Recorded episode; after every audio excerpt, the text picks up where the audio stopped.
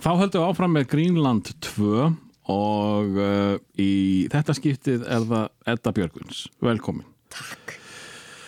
Uh, þetta er svona, þetta er svona bara, þetta er bara svona spjall og uh, ég var náttúrulega löngum búin að ákvaða að fá þig hingað í þessa Já. og síðan að ég ákvaða að fá þig, erst þú búin að vera sigra heiminn á bara nánast á hverjum degi? Nákvæmlega, þannig að bara frá því við byrjuðum að spjalla saman, ég var bara tiltölu að venjuleg konu. Þú varst bara vennileg kona þá. Það er ímislegt gert. Það hefur nefnilega einmitt gert Ha. og, og, og sko, þú ert búin að fara í yfirheyslu og það er búin að vera sko, búin að fara í öll þessi viðtöl og eitthvað svo leiðis en í þessum þætti er ekkert planað við látum samræðina bara leið okkur þanga sem við viljum fara Já. Og, og ég er svona svolítið að betlaði um, um sögur eða mannst eitthvað Já. þetta er sem sagt uh, bara ég að tala við skemmtilegt fólk Já, já, já, já. Ha, já. það er. Það er svo gaman, það er svo gaman, sko. En uh, árum við förum bara í uh, þá, la- svona allan djúft í hana, þá langar mér aðeins sko fyrir mér var Edda Björgvins uh, skemmtilega konan í, í sjónvarpinu Já. Og uh, hún var að grínast og, og gaman og, og, og svo var hún Stella og, og svona og svo svona hvarf hún og uh, fór á sólheima Hva, hvað varst að gera þar? Og svo, svo fórstu að halda fyrirlestra. Já. og svo aftur, aftur núna bara bang, ég mætti aftur a, a, í, í leiklistina og ég, ég bara ég á ykkur öll. Það, sko, þetta er nefnilega svo fyndið að sko, maður, tilfellið er að ég er búin að vera að leika í kvikmyndum e, e, e, leikritum e, og e, alltaf mm. skilu, það er bara svo missýnilegt það já. er nefnilega svo miss, sko á sólumum þar var ég alltaf að leikstýra en með ba bara þessi ég, ég held ég að vera hérna eh, kannski þrjú ári röð að leikstýra og svo er ég alltaf að leikstýra reglulega svona stóramælum og svona fæ ég að koma. Að þá var ég til dæmis, ég var með briljant skilnaði sko á yfir þriðja eh, ár leikár. Eh, alltaf að leika með var alltaf að uh, keira á milli bara sólheimur eru svona hjartastaðurinn minn þú veist það er staðurinn sem ég langar að búa á. Já, eh, eða eiga mitt annað heimili að því það er svo indislettar og indislett fólk, indislega orka en alltaf var ég samt sem áður og ég er búin að vera alltaf fyrirlestur og náskeið í 25 ár Í 25 ár, já. Ég get svarið að þetta er bara allt það daldi ósýnilegt Mm. sko lífmanns verður stundum ósýnilegt sem er dásamlegt skiluru það er, það er alveg tvær hliðar á því að vera allt í nú mjög sínilegur og mér að vera víða og í fjölmiðlum það er sko sem er ekki ekki til dæmis, það er ekki val þegar maður er að koma á framfæri því sem maður langar til að fólk sjáu það. Ég segi ekki, nei ég, ég ætla ekki að koma í viðtali en ég vona samt að, að þið auglísi síningarna mínar eða skilur þið það bara ruttalegt þannig að auðvitað sem er bara alltaf í átaka ekki það, sko ég myndi náttúrulega bara sitja hjá þér allan daginn allan dagar skilur þið dátum mig vegna þess að það er svo gaman. Gaman hjá þér og þú ert svo góður útastmaður í fín. En e, þe þe þetta er nefnilega tilfellið. En þarft ekki að vera rosalega sínileg í þessu starfi þínu þú þarft aðtegli til þess að fólk uh, já, vilji fá þig. Jú, sko það, það, fólk þarf að vita Edda. Björgvins, hver er það? Þá, þá fannst þú minna að gera. Já, sko, hvar, hvar, og hvar get ég náð að sjá Eddu, Mm. Já, veist, hvað er hún að gera núna, hvar er hún? Og, og, og þess vegna og líka þegar maður tekur að sér að vera í leikriti, að því nú hef ég í lang flestum tilfellum verið bara ráðinn hvort sem það er til þess að, leika ettuna í Östubæ eða, eða e, hérna, hjónubansæli í gamla bíó eða, eða e, fúlar á móti á akkureri skilur ég hef verið sótt. Og, en svo hef ég farðast að með mín eigin verkefni líka sem er ofbáslega e, gaman og, og farið þá oft í samstarf við, við leikúsin en sko alltaf þarf maður auðvitað á því að halda að fólk viti af manni. Og það er ekkert þetta að segja við fjölmjöli já, við ætlumst nú til þess að þið fjallið um okkur en við nennum ekkert að vera að koma í viðtölu, þetta er svona bara afstafa pínulíti hjá sumum sem eru til dæmis, sumum finnst bara ekkert gaman og ekki gott að fá miklu aðtegli en völdu sér eitthvað hluta vegna þetta starf. Og það fer daldi illa saman og þú, þú getur ekki leiftir, mér finnst allt í lega, mér finnst gaman að fara í viðtölu, mér finnst, uh, ofsalega gott að vera ósýnleg til skiptis en uh, mér finnst það bara uh, fínt og mér finnst það vera skilda mín. Bæði gagvart þeim stopnunum sem að ráða mig og þeim aðilum. Auðvita ef að þið viljið að ég fari og einhverju vilja fá mig að tala um þetta efni þá er það bara e- e- ekki spurning.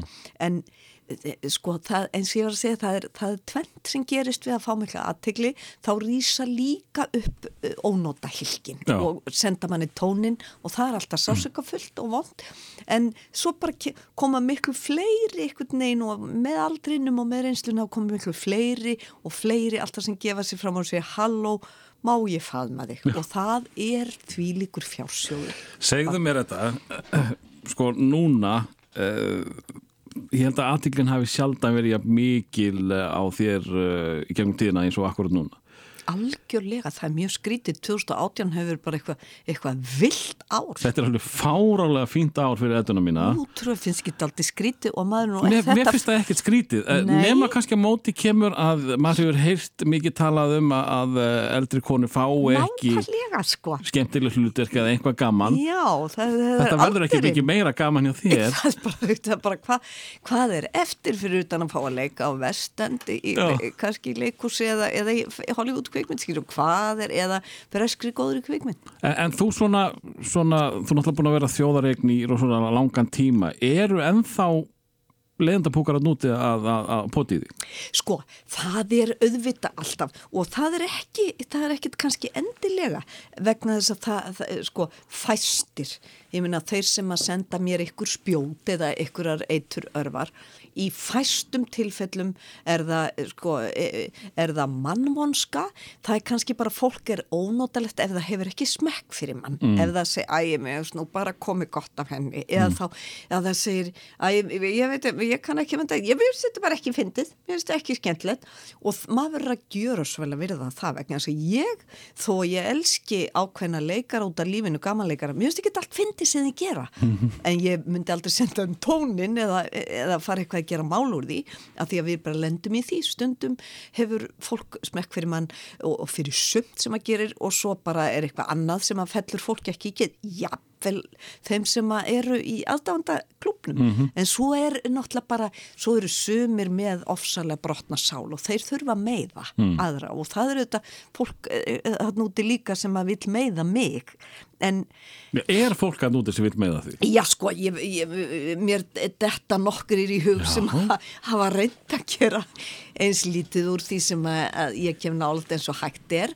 Og annarkvort af, af, ég veit það ekki, bara finnst ég allt í hennu of eitthvað mikið og þurfa að taka mig niður eða, eða bara eins og gerðist í gamla dag því ég var að byrja að vera grínfígúra að þá voru til dæmis e, e, ég er að fatta að núna bara þetta hétt eiginlega valdnýðsla og einelti það sem ég fannst bara að vera það voru frekukallarnir í e, listaheiminum og sérstaklega leiklistinni sem höfðu gríðarlega mikil völd. Einráðir, það ekki alveg. sko, algjörlega. Engar konu komið þarna nálega. og, nei, nei, nákvæmlega. Og hérna, og, og nokkrir þeirra sko, nánar tilteki bara skiluru e, þrýr til fjóri voru stanslaust að nýða niður með skóin og ég vissi það ekki fyrir, fyrir lungu setna að það var alltaf verið að taka mig svona sem dæmi um einhverja skrýpa fíguru og svo hræktu þeir sko sem að var að gera ómerkilegt og ómenningalegt efni skilur mm. það sem að, sagt, þjóðin elska mann fyrir það var að þeirra mati ómenningalegt og, og, og ofsalega ómerkilegt og, og, og kommersjalt og, og þetta er daldi fyndi vegna þess að þegar ég horfi yfir all og það, ég verða að játa. Þótti að kvikindið í mér það, það virkilega blómstrar að vita af, af engin að þessum köllum er að gera neitt í dag nema drekka e, hortnir eða hortnir senilir og gamlir skilur það, og þá, þá er eitthvað inn í mér já það er nefnilega það. Að, það er ekki eins og þið séu svo miklu miklu eldri en ég þeir eru bara eitthvað staðar einhvern veginn á meðan að ég er noni noni noni mm. í alls konar kvikmyndum og fá alls konar velun og, og svona þannig að eh, ég verða, ég bara játa þetta fyrir því ég trúir fyrir þessu Já, ég fyrir ekki með þetta neitt, ekki neitt. en, en, en hérna, sko er, er, var þetta hápunkturinn að ná eddunni fyrir þetta hlutek sem að þú hafi greinlega gaman að því að leika?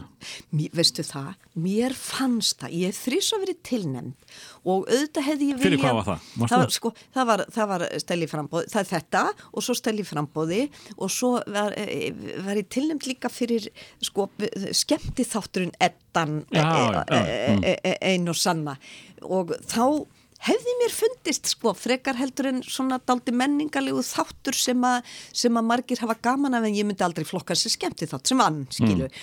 og, og hérna þannig að ég var svona píldi leiði við því bara ægið sko Eh, núna var það skaupið, maður var óumdeilanlega bara eitthvað best skrifað og best gerða skaup sem ég hef orðið vitnað, ég verði að mm. segja það en, Betur en þín? Ég, eh, sko, ég get ekki alveg tekið þau niður úr uppáhaldshillunni minni þarna 84 og, og, og 90 nokkur svona eh, hárbeitt og skemmtileg og hvenna pólitík og svona, þau eru ennþá aldrei uppáldi á mér en miklir fagminn og miklir margir humoristar og grínar sem stóða á skaupinu núna, ég var alveg, ég var undrandi að því að það var svo ofsalega flott uppbyggt og skrifað og klift og allt, mm -hmm, skilu, já, mm -hmm. stuttisketsan hnitmiðar, minnfindnir horbeittir, algjörlega ég var, ég var, ég var alveg í, í alvöru mjög undrandi sko, á því hvaða, hvaða var einhvern veginn rosalega flott í gæðum.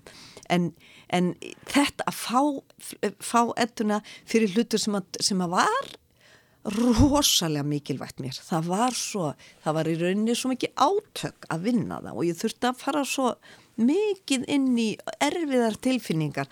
Þess að það var mér svo ofsalega gott fyrir sá, sálinna að fá, fá fara svo með þessi velun sem eru veitt mm. leikurum fyrir og, og, og lista fólki fyrir vinnuna Ég, ég, var, ég, var, ég var alveg, ég fór alveg í alvöru, ég er búin að gráta mjög mikið núna síðustu árin bæða þakklætti og svo líka bara að, að, að, ég þurfti að fara langað í tilfinningabanka minn mm. og þetta, þetta var alveg ótrúlega mikil mikil gleði og þakklætti En þú náður ekki að taka mótið þannig? Nei, það var pínu Og það var ekki svolítið skellur? Jú, það var svolítið skellur þá loksist að flytja þessa frábæru ræðu sem út með í hausnum. Kallega, og svo, en þá líka tók ég bara ákvörðin ég ætla ekki að undirbúa neina ræðu mm. ég líka, er því svo spælt ef það væri þá færi eitthvað til ungu konar eða barsins en ekki til mín mm. það, þannig að ég saði bara við, við vinkonu mína sem er, sem er sko er dásamleg hún Marja Sigurðar og ég viss hún yrði þarna og ég baða hana bara viltu þá taka mótur og sé bara það sem þið langar að segja mm. um mig Nú ef ég fæt ekki þá hef ég allaveg ekkert undibúið eh, alveg ótrúlega flott uppbyggðar ræðu og orðið ofsalega fyrir ég bara eh, var tilbúin fyrir allt sko. Hvernig, hvernig komstu inn í þetta verkefni undir trínu? Það var svo fallið sko, nú eru kvikmyndalegstjórar, við eigum nokkra nefla og tölvert marga brjálaðislega flinka, mikla fagmenn. Og ég hef fengið til dæmis að vinna bara með tveimu þeirra núna nýlega sem er eða sko í, í rauninni eh, þremur, ég fekk aðeins að vinna með Baldvin Setu núna í mynd sem á eftir að frumsýna og hann er, hann er einn af mínum eh, alveg, ég, ég fæ alveg í hjarta svo, Já það er svona svo, ný og spennandi kynnslóð Já, hú, það er nefnilega það. Já. þú veist, er það næsta kynnslóð sem að einhvern veginn sem fattar upp á manni mm. aftur Ragnar Bragarsson og, mm. og, og Hafstöld Gunnar Sigursson þetta eru, þetta eru ofbóðslega bæði fallega manneskjur sem að skipti mjög miklu máli gullmólar og svo er þeir algjörlega brilljantlegstjur og, og, og hattir semst fær mig í, í pröfu og mér var í fyrsta leið verið svo hiss á því því sá hlutverkis en þetta er alveg hádramatíst sko og þú, þú ert að fá og ég sá að það voru fleiri svona sem er frekar í gammaleg og þá var hann bara með þá visku þessi elska enda náttúrulega úr rótgróinni flottri leikúsfjölskyldu að segja já, nei, ég, ég bara veit að þeir sem að geta leiki komik þeir nátt að rama betur en aðrir sko sagði þessi prúða fallega búta sál því hann er svona liti gullmóli og, og haggast ekki þó hann fengi all, öll velun heimsins mm. sko alveg algjörlega ótrúlegu drengur og svo Ragnar Bragarsson sem að ég hef nú unni með nokkur sinnum og er einna mínum uppáðs líka svona gullmóli og, og sérlega mikið indi í samskiptum eins og hatti að hann hann langar svo, hann skrifa verk fyrir þjólikúsið og fær þessa hugmynd skilur yfirleitt, þetta er bara listi sem leikstjórum er bóðið upp á. Þessari og samning og þú notar þá. Já. en hann byður sérstaklega um Eh, sko þá leikar sem hann langar að fá. Og ég var meðal þeirra og þetta og í þessi tvö skipti var ég bara ég, ég sko ég átti ekki eiginlega orð. Mér finnst þetta svo ótrúlega fallet og óvænt ég átti ekki vonáðs, ég átti alls ekki vonáði að, að fara í þjólikúsið og þetta, eins og ég sagði þér aðeins, frílega búin slíta barskunum og orðin ára gömul á þess að fara eitthvað nána í, í sauman á því, en þarna kemur líka, sko, eh, við skulum ekki gleyma því að leikhústjórar ráða alfarið, þó leikustjóra segi sko í, já við eða beðið um eitthvað leikara, eitthvað leikstjórar eða eftir burna þá vinnu við með leikstjórum að því leiti sko og sem er rétt í sumun tilfellum í öðrun tilfellum þá eru þið bara einræður en sko svo bara komin þjólkustjóri sem að er eitthvað negin á einhvernum allt örum stað heldur en þeir leikustjóra sem að ég hef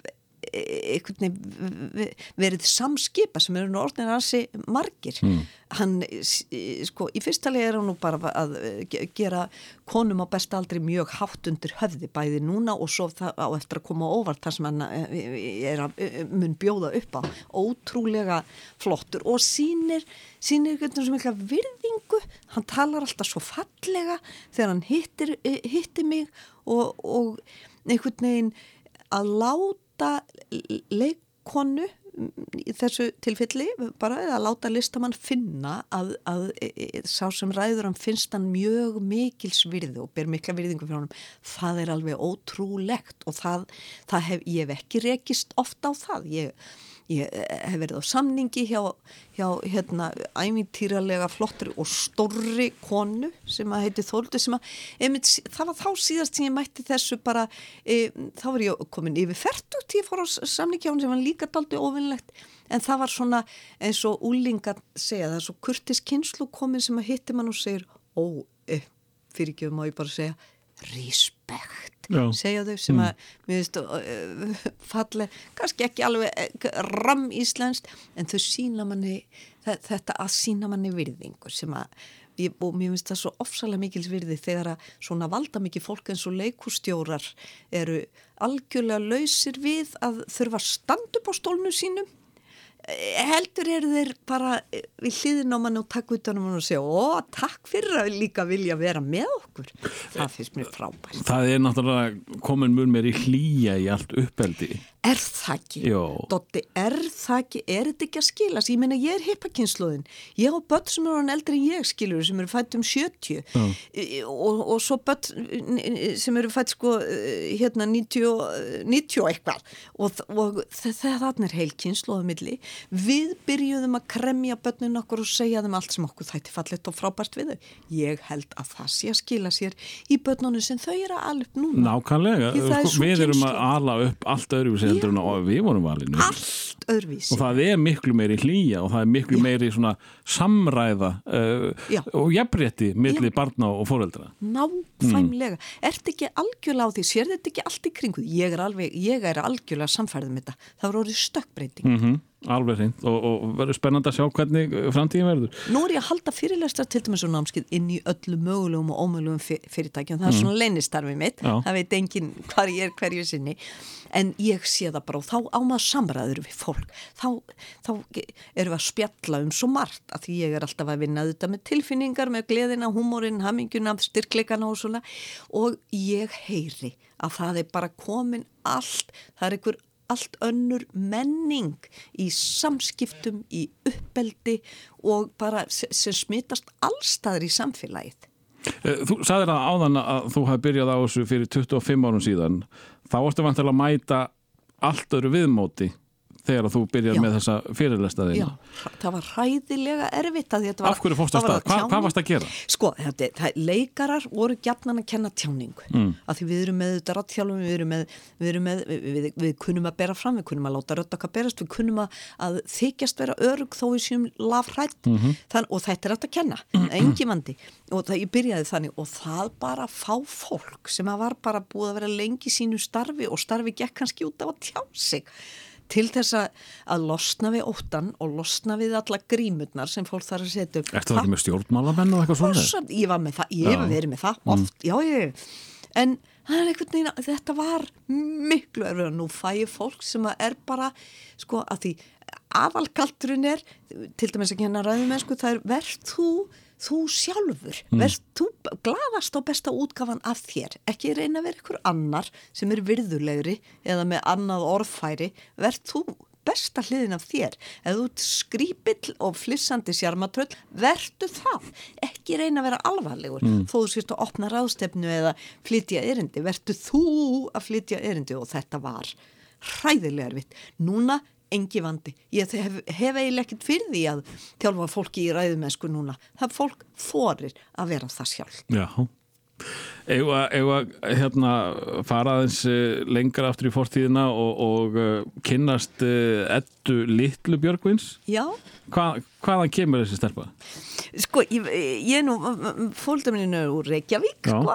E, e, papp pappi, hann var að vísu skólastjóri í, í, litlum heimavistaskóla e, sem var að vísu ekki, e, e, það var heimavistaskóla þýleiti að, að litlu drengirni sem voru þar þeir voru að, bara á bara á virkundögum og svo fór þeir heim til sínum helgar mm. og þetta og Björgvin Magnússon, pappi minn er hann á til dæmis hann á nokkra kynnslóðu skuldlust það, það elskan allir þessi strákar sem hefur verið í honum. Hann er, hann er svona kærleiksbúnt mamma eh, sko var stórkostleg nei ég, ég er eiginlega mjög þakk, ég er þakklátt fyrir hvað ég mikið blanda af þeim. Mamma dó fyrir nokkur maður síðan og, og, og en var svona stórkostlegu stuðningur bæði við pappa og hans starf sem þetta var hugssjónastarfið þar og líka þau voru svo mikið stuðningu við mig. En semst þú heyrir að ég, ég átt ekki sískinni að sko drengirnir þetta voru bræður mínir sko mm -hmm. og ég segi gætnalega bara Lalli Jones og Sæfa Síselski voru mínir bræður og, og Lalli við föðmust innilega alltaf þegar við hittust og svo bara eru þessir menn út um allt í samfélaginu. Þetta voru drengi sem áttu erfitt með að vera heima hjá sér Já. vegna erfiðra heimilis aðstana sumur náttúrulega bara blómstruðu upp úr því og, og, og fór í alls konar nám og, og pappi mitt leitar þá uppi. Ef einhverju með fiskbú þá skiptir hann við þá. Ef einhverju með hjálparverstaði þá skiptir hann við þá. Og svo þekkir hann annarkvæmt lögrugu þjón því þeir fóru mikið þangað til að ymmita bara hjálpa strákun sem voru í þeirra stöðu. Já, þar er ég alinu upp og það, það var, ég get ekki full þakkar að þurfa að deila þeim alltaf með 30 strákum sem að þjóðfélagi kallaði vandraði drengi en e, það, það hefði bara aldrei kvarlaði mér, ég maður hvað ég var reið að einhver skildi búa sér að segja að þetta var einhverju vandraðastrákar það var bara strákarnir mínir og þeir voru indislegir og þetta voru leikfélaga mínir sko. Og svo afti ég bara reysastóra fjölskyldu líka mamma, fullt af sískinum og það eru sískinni, börnin þeir eru sískinni mín líka, mm. þannig að þetta er nú mitt uppveldi einhvern veginn rosalegt utanumhald, utanumhald, kærleikur mikið af fólki og uh, ég læriði það setna í jákvæðu sálfræðinni því ég fór í diplomanám í Háskóla Íslands að tengsl er það sem skiptur öllu máli. Þegar kemur að hamingjumælingu, hversu hamingjusamt er fólk, það fer fyrst og fremst eftir í hversu góðum tengslum og nánu tengslum ert þú við en hverja aðila getur verið fjölskylda vinnir en það eru þessar tengingar, mannlegu tengingar sem skipta öllu máli. Þú sem sagt elst upp með þessum strákum að miklu leiti Já, já, ég var að vissu kyrði, pappa fannst þó mikið að ég verið í skóla með þeim líka. Mm. þeir voru í námi þarna þessa virku daga og, og ég var kyrði fyrst í vogaskóla og, og, og Ísaskóla og svo vogaskóla og svo, í, svo fór ég MH Já, há Já, ég sá nú ekkert annað en MH í, í, í þínu spórum. Já, já, já. Ha, blóma, blómabarni sjálf. Er nákvæmlega. Uh, en, en hvernig, hvernig skóladama varstu? Hvernig, hvernig, hvernig krakki ertu? Ég var rosalega kátur krakki, svakalega, ég, ég sko, einn af mínu styrklikum er, er sko bjart síni og, og gleði. Hefur alltaf verið? Alltaf, alltaf Uh -huh. og það er, það er eitthvað innan í mér og ég sé þetta á fjórum börnum mínum að sko, að yngsta barnið er með lang mest að þessu. Hann vaknar sko og vaknaði eins og ég gerði því ég var lítil sko Róbert kom alltaf hlaupandi og segi er þið ekki fegin? Ég vaknaði og hún fannst svo ofbóðslega gaman í sínu lífi og, og, svo, og þetta fannst mér líka ég vaknaði með tilhlökun í maðanum og ég, svo fallet að tala við fólk sem að sem að er ekki, ég held þetta væri bara að allir væri svona. Mm. en uh, tala við fólk sem til dæmis er með kvíða og sem að vaknar alltaf með hnút í maganum. Þú veist þetta er, það er bara sumir sem að vakna í rauninni alltaf með hnút í maganum.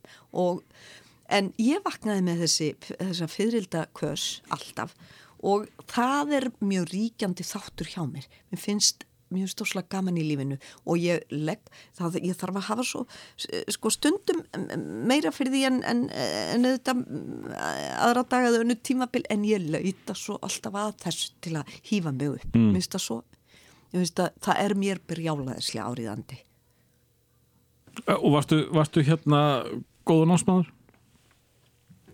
Æ, ég, ég sko, ég man eftir að umsakenda voru hún masar ansið mikið í tímu en, Ég er svo hiss á því. Já, svolítið hissa. En eh, ég held ég að verið æ, ég var, ég var alveg sæmilegur. Já, Mm. ég ágætt, ég náðu söllu Já, og, en uh, það var svo uh, fallett það var bara eins með fóreldra mín og það sem ég hef eiginlega verið, haft mestar áhyggjur af hjá pötnunum mínum, líður þeim vel? Eru þau glöð í skólanum sko mamma og pappa var eiginlega slétt saman engunir þeim, þeim, bara, þeim fast félagslegu tengslin og, og hvort það væri gaman og hvort að það væri næring andleg næring í gangi þá voru þau hafmyggjusum og sama sama hef ég gert við mín börn. Varstu glöð í skólanum? já. Já, Ég, ég var ofslega heppin, ég lendi hjá ofslega kærleiksíkum kennurum því kennarar eru náttúrulega, eru bara bjargvættir mjög oft, Stó, stór hluti kennara er það sem að, elur upp börnin okkar og gefur þeim fjársjóði, endalösa fjársjóði og svo náttúrulega aðri sem rústa börnum eins og við vitum, það er bara óhæft fólk, það er líka kennarartjætt eins og annar staðar sko. En ég, ég var svo heppin, það voru ég man bara gefti neinum kennara sem mér þótt ekki alveg ofbáslega góður og skemmtilegu kennari, konur og kallar. Þann, þannig að í minningunni í það minnst að þá er barnaskan bara afskaplega kátt og, og, og, góð. Rosalega gaman og ég aln upp í heiðmörkinni, þetta er uh, rétti á Elleðavatni, skólinn var þar og nú er það vassveitan sem að, að því þetta var of nálagt af vassbólun, það var nú ekki vita þá þegar við vorum að svamla þarna í litla vatninu, skiluru bara og, og að, að þetta væri, gvendabrunnar og aðal vassu uppspretta ekki við borga. Þannig að við erum búin að drekka Eddu Björgvins. Svolítið, svolítið svona sem ég var með tætnar sko. Að vaða. já, En nú búið að gyrða þetta allt með, með jafngyrðingum. já Enga, eh, ekki meira Eddu. Nei. Eh, Svo verður hún úlningur og, og eh, svona ofsakátt uh, margir fá úlingaveikin og, og, og uh, það, svona, það verður svartara yfirstundum hjá mörgum þegar að, að breytingar eh, bæði sálinni, líkama og eitthvað svona. Uh, Var ég gaman hjá þér á, á leiðinni? Sko, það var einhvern veginn, ég bara, það var eiginlega daldi stanslust stuð. Ég tók eiginlega ekki mótþróskeið Nei. fyrir en, sko, fyrir en eftir að ég útskrifast úr mentó. Þá er ég bara allt í einu einhvern veginn komin í, í sko, hjónaband með bad tvö á leiðinni skriði, ég byrjaði mjög unga eiga börn, átti fyrsta barna mitt í mentó og mamma og pappi tóku alltaf hjálpuð mér með allt og fannst bara the more the merrier, mm. indislegt fyrst ég var ein að ég byrjaði svona snemmu og bara eiginlega létum mig finna að vera þakklátt fyrir það. Þannig þetta þú, þú heyri ég fekk líka ótrúlega fallegt og kærleiksríkt uppeldi. Ég ég bara get það. ekki full þakka það. Og, og hérna, þannig að það bara allt í einu og þá var bara maður í lífið mínu sem átti þess að, eh, þú veist, við bara byrjuðum saman 15 og áttum tóða stelpur og þá tók ég allt í einu mótþróskið og bara það, ekki þetta gengur ekki og, og við pössum ekkert saman og ég veit ekkert hvað ég ætla að gera og, og bara skildi við hann og, og ein um, bara einhvern veginn að koma börn og ber, en með náttúrulega foreldra eh, sko. og, og við vorum reyndar alveg frá byrjun rosalega passa sem með, með stelpurnar sko. Þannig að við, að við hefðum mm, að hann dætt ekki út og ég dætt ekki út sko. Mm. Við vita á því, en það var eiginlega fyrsta svona úlingaveikin mín tók hann að daldi sen Lengja þróskast já, já, já, ég var nefnilega ég var fín úlingur var, við komum alltaf vel saman með mamma og pappa og það var bara alltaf stuð hjá okkur. Ég, ég var þá aðeins að fá staldra við eh, þú tala mikið um mamma og pappa uh, og, og mikið lást og, hemmingja en hvernig var heimilislífið? Var, var stuð, var tónlist, var... Uh, sko, heimilislífið var auðvitað rosalega mikið þessi, þessir drengir mm. sem að mamma og pappi eiginlega urðu foreldrar þeirra. Mm. Það voru svo margir sem áttu svo bátt. Og, Kom það ekkert niður á þér minni tíma með þetta sinni? Sko, Ég, við vorum einhvern veginn ég, ég, að því við byggum, við vorum ekki eins og eldús hugsaðir, þú veist, það var bara alltaf borða með öllum strákonum í, í matsalnum og mm ráðskonu sem elduð honni allt gengið. Og ég var um lungu setna saði mamma sko æ það hefði nú verið gaman að vera með eldús og, og geta eldað stundum og, og kent þér að elda. Því ég kom út eins og vittlis ég kunni ekki að sjóða kartöflur sko. Það hefði bara alltaf verið gert. Ég, bara, ég var bara barn alveg upp á heimaðurstaskóla mm. en það vildi svo til að foreldra mínir voru húsmóðurinn og, og skólastjórun og, og það ég var bara ofbóðslega mikið þetta var líf okkar og um helgar góttus, sumi gátt ekki farið heim af strakona, það var bara kannski óregla og, og þá voru þeir bara með okkur og við vorum yfirlt alltaf í ömmu mm. um helgar ömmu um og hóli stórkostlegur karakter átti sjö börn og allir ykkur nefn voru hjá henni alla frítagakos sem voru jólpáskar, helgar eða hvað og stundu voru bara tveið því strákar í aðri sem að vildu ekki fara heim sumi vildu það ekki og sumi bara þóldi ekki við í klukkutíma því að það var bara, eh, það var bara uh, óriki sorg, ofbeldi og alls konar strikja mm. Mm. Þannig að þetta var nú, þetta var mitt umhverfi. Já, sko. svona, já, strákvæðin hafa verið svona fyrirferða miklir í, í þinni barnæsku og, og e, einhvað einu úlingsárin eða? Sko, svo náttúrulega þegar ég byrji gaggó eins og það hétt, þá náttúrulega hafði ég þá hefði ég sko minni ánægju af því að vera uh, sko verið eitthvað voða mikið að leika við þá, þá var náttúrulega þá voru við stelpurna bara svona skvísur, farnar að mhm. mála okkur farnar að fara á böll og svona og og, svo, eh, og þarna voru strákarnir bara og ég er að hugsa eftir á vegna þess að nú, hefur verið mikið rannsókn á bara hvernig börn koma út úr svona að mm. þurfa að vera fjarr í fóreldur sínum og þó svo fóreldra séu vanhæfir á svo margan hátt og drikja þá er samt sem áður er vita núna bara svo mikið ramt í rauninni að taka börn af heimilum mm. og ekki þarf fyrir að þau, þessi drengi voru aldrei teknir af heimilum, þá voru fólkastin sér í reði mm. og ef að drengirni vildi ekki vera að þá kom ekki til greina að pína það sko, og það varð að finna þá önnur úrræði og, og margir voru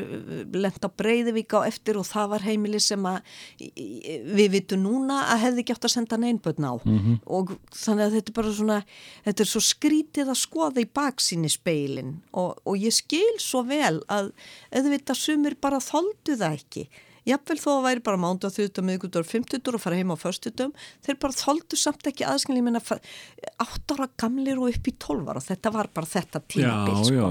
svo var eh, þegar eftir tólv voru engin úræði einmitt, einmitt. svo fer að koma og pappi minn fer til dæmis þegar jáðar hættir þá fer hann að vinna í sérdeildum í, í, í skólum sko. já, já. Þá, fara, þá voru sérdeildi fyrir þá sem að þurftu til dæmis miklu meiri andlega umönun mm -hmm. ég menna þetta voru, þetta voru grindir krakkar, það vantar ekki en, en eh, auðvitað bara taugakerfið ekki í lægi oft og þarf að fara alltaf öðruvísi að þessum börnum sko. Eh, en, en eh, Edda, hún er komin í gangó og, og uh, farin að sækja böl og, og hvert, hvert fórst þú á þín fyrstu böl? Hva? Sko, í, í, í Gaggó þá, þá var það bara skólaböll. Já. Já, já, já, það var ekkert um annað að ræða. En búin að svona gerlaðu upp og sko breyðfinningabúð fór ég held ég einu sinni það, það fólk voru í búðina krakkarnir breyðfinningabúð mm. og hérna en svo var það sko, svo var það glömpar hammar þegar ég sko að vísu þá brannar rétt um það bíl sem ég mátti lögulega fara ángað inn.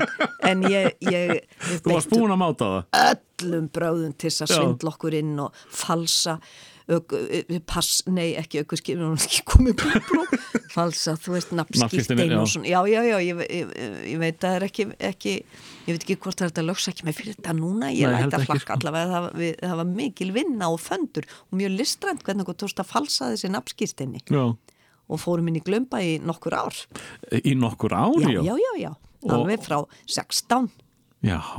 Og, en svo var það líka tjarnabúð þar var nú ekki mjög stramt sko. Þar voru hipparnir, það var aldrei verið að reykja hass og þar voru svona framústefnu sko, e, þannig að það var, það var maður tróð sér inn á þessa tvo staði en það var öllu smartar að vera í tjarnabúð, skiljur Smartar að vera það? Já, það var svo mikið það var, það, þar var bara reykjelsi hass og mussur og, og bara e, Varstu, varst, varst þú svona mussustelpa? Já, já, já, já, já, já, já, já, já algjörlega eh, Mér langar sko að því hérna nú bara þekki í lægið um, um Glumbæ sko eh, hvað hérna var þetta var lifandi tónlist á hverjum degi já, eða já, var þetta bara um helgar? Nei, nei um helgar sko um helgar, svolítið fyndið þeim þegar maður sér Hvar, hvar var þetta nákvæmlega? Glömbær? Glömbær? Það ertu, oh my god, þú er svona ungu tótti. Glömbær er það sem listasafnið er að við skálholst, já, já, já. Uh, hérna, uh, hérna á Ljóðsvei, nei, hérna við, tjö, við tjötnina, já. já. Það listasafnið núna það sem Glömbær var. Já. Það var byggt, byggt eftir að Glömbær brann, að þá var byggt nýtt þarna og ég man ekki hvernig listasafnið áttnaði, hvort það var bara fljóðlega hvort þessi reytur stóð auður í eitthvað tíma getur verið, mm -hmm. en þar var glemfær og, og þar var að dansa og þar var alltaf lifandi tónlist, alltaf æðislega mikið stuð mm. og öllum hæðum, þetta var á mörgum hæðum, mörgum hæðum? og þetta var alveg svakalega, maður var alltaf að hitta nýja maður fór ring eftir ring og alltaf sjá nýja sætastrákar sko. en tjarnabú var bara þetta í kjallarnum í Ottfélóhúsinu sem er hvað? og á, við tjörnina sko já. bara, já, beintum ándur áðursunu þar er oddfélaghúsi, þar var tjarnabúð í kjallarannum mm. og þar voru við bara í, í sandölunum berfætti og, og, og hörpilsinu og, og indvesku stimplu mussonum og í tólstega gatti skilur við, berfættar með blöðrubólku Er þetta ekki, hérna, er þetta töð tímabil eða svissaru úr mussu yfir í þetta, nei, nei, þetta er sama tímabil og voru líki mussonum í glömbæ sko Já, er það? Já, mátti það? Já, það var ekki, við sem var meira pæjum mm. en e, við vorum alveg, við, þetta voru trúa bröð bara ég fór, ég man eftir, fyrsta dæmin í MH að þá mætti ég nú bara mittispeysu svona út í um buksum og um bleikaðan reynd og soltið túpera hár og ég fór heim í hátteginu, skilur greitti niður, bara þvoði mér í framann og stál gamalli pípu sem að móðbróðu minn átti og, mm. og fór í Íslandsúrpu hérna, Þess að grænu? Já, já og, og fann gamla galaböksur og, og fór aftur í skólan og let sem ekkit væri gjörbreytt típa og það tók mér sem sagt bara einn morgun að fatta að þetta var ekki bóði Nei, nei. E, e, Sko hérna MH er frekar nýr skóli það ekki þegar þú Jú, ég þriði árgangur sem Já, en, en var þetta strax svona listaskóli? Var, var... Þetta var strax mjög vinstri sinnaður uh, radikal listræn skóli mm. strax Og, og, og uh, sko félagslíf og þess áttar var eitthvað þar sem að kveikti uh, þessa listabaktur í þína? Sko, nefla ekki alveg Nei. vegna þess að þótt ekki mjög sko þarna stuðmenn eru bekja bræður mínir sko við þarfum að segja að þú veist Kopp og Val eru jafnaldarar mínir eða voru samskipa í skóla og, og við vorum saman í e, e, þar kynntist við, þar fættust náttúrulega stuðmenn daldið mm. og, og, og maður fylgdist með og tók á móti því barni og elskaði síðan gaman vegna þess að nú fæ ég að vera í slá í gegn söngleiknum um stuðmenn, það er æðislega skemmtilegt en sko, nei leikarar þóttu frekar tilgerðarleir og, og asnalegir sko mi, mitt fólk var, var þú veist við vorum með sálfræðipælingar við vorum með byltingarpælingar Varstu, varstu pólitísk? Já. Þa, það var bara sko Ísland og NATO herin burt Já. og lifi má burt með Nixon og Pompidou skilur þetta var bara mantra mm. í, í, og, og bara í skólunum? Í, allan skólan, Já. allan MH mm. og, og dótti mín til dæmis helt á 17. jóni þá rópaði hún burt með Nixon og Pompidou og lifi má.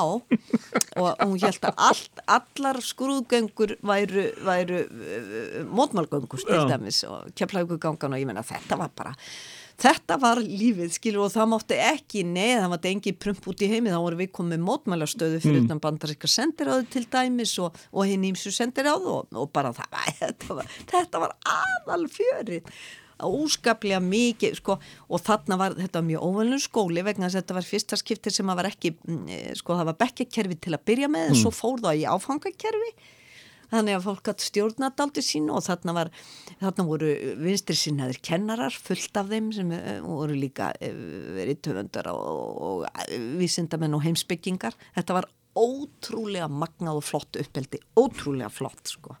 Þetta, þetta hljóma vel og, og, og eh, já, sko vera síðan með vinstri sinnaða kennara líka þannig að þið hafði ekkert verið mikið að vera kvarta yfir, yfir ykkar skóla. Nei, nei, nei, nei. og, það, og þarna komiði sko. þarna komiði sem sagt öll saman og, og myndi þessa sterku klíku? Já, sko, eh, það, fyrstu til dæmis þessi þrýr fyrstu árgangar mm. að eh, þetta er, eh, er náttúrulega mikið af þessu fólki hefur verið áberandi bara í pólitík og svo, svo eru þetta, þetta eru fríðarsinnarnir, þetta eru þetta er fólki sem stopnar allar feminista reyfingarnar og hvenna fram á hvenna listar auðsokkur, þú veist, mm -hmm. það kemur úr þessum hópi og auðvitað aðeins sá undan mér Já. ég meina 68 kynnslóðin mm. til dæmis, ég er náttúrulega, ég byrja 68 í mentó mm. og, og, og, og þetta er fjörar tímabill en þarna, þetta fólk og það er þetta fólk sem er líka núna um allan heim að berjast fyrir friði og minna á að, og berjast gegn órétti Nákvæmlega eh, Hvað hérna hvað varst að hlusta? Hva, uh, þegar þú reyndir að uh, miða á einhver ákveðin börn hverja voru þína sveitir? Sko, e, það, ofinbera stefnan var Rolling Stones, Bob Dylan skilur og ymsi fleiri. Ég var algjört hallæri og er í tónlist. Mér finnst til dæmis en þá finnst mér bara gaman að tónlist sem, sem er ekki eins og mín tónlist sem er 60's tónlist. Já. ég var bara bann þá sko, þetta ekki, var ekki úlingatónlist minn, en ég elska hana. Og ég er einhvern veginn vel að alltaf ég má velja tónlist. Nú ég þorði ekki að segja nokkru manna ég elskaði Hörmann Hörmund skiluru það, það var hræðilegt. Og svo skiptist fólk í sko voru elskar... það ekki bara einhverju sæti stránka? Jú, það var bara krút, no milk today og þetta bara oh my god, það, það var svo mikið krút þeir komið til Íslands. Sástu það? Já, ég sá það og svo sá ég líka Kings að því það var líka, það var réttara já, sko, það var löglegt. Já, það já. var svo margt sem var, var rétt og ég þagði bara yfir þessum hræðilega tónstafsmækja, ég þagði við því að ég elskaði bílana meira en Rolling Stones. Já, já, já, já, já, já. ég var ekki ofinbæra stefna var Rolling Stones sko. já, þeir voru vinstrafólki þá við, við hipparnir og vinstrafólki og, og fleiri ég alveg en, en þessi hérna, þessi hérna blómatími bítana þeirra, þeir fara að hugleiða eitthvað svona já, voru það teknir í sátt? Þá voru þeir aftur orðni það, það, það var ákveðna plötur sem að við e, hlustuðum á síðan þessi, þess, þessar kynslu þessi kynslu sko. en ég er, ég er algjör, ég er ég bæði þekk ekki, man ekki nöpp, þú veist, ég er hræðileg þegar kemur á tónlistaheiminum og þegar ég spurði mig upp á tónlistarminu þá, þá er minn, já, ég get ekki eiginlega ég get aldrei nefnt neitt, mér finnst þetta aldrei leiðilegt, mm. en sko en Andrea, hérna í útvarpin hún er að, eh, þegar hún er að leika sína tónlist, þá er þetta aldrei ymmit tónlistin sem að eh, við vinstri sinnuði hyparnir meðvituðu hlustuðum alltaf á sko. En þú áttir þú áttir unglingalag sem já. að þú fóst nú eh, lengt með á, á sínu tíma já, og, og kæru hlustendur kæru hlustendur, loksins nokkur márum síðar ætlar hún að ofinbera hvað hún var að hlusta á sem múlningur. Hún sagði ekki frá því þá en núna nú er allt löglegt, nú má segja Nú má. Hvað er að tala um? Við erum að tala um nómilt út eða með Hörmann Hörmins.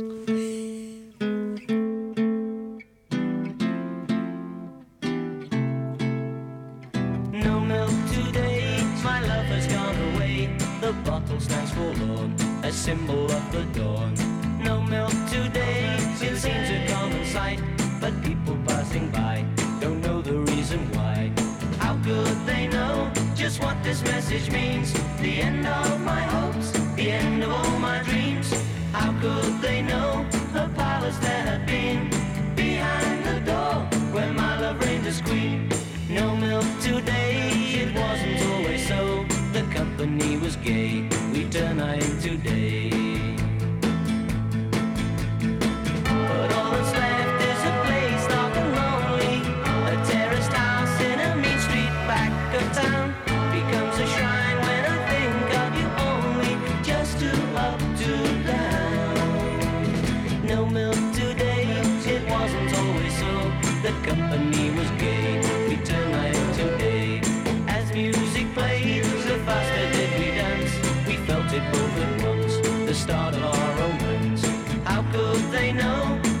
This message means? The end of my hopes, the end of all my dreams.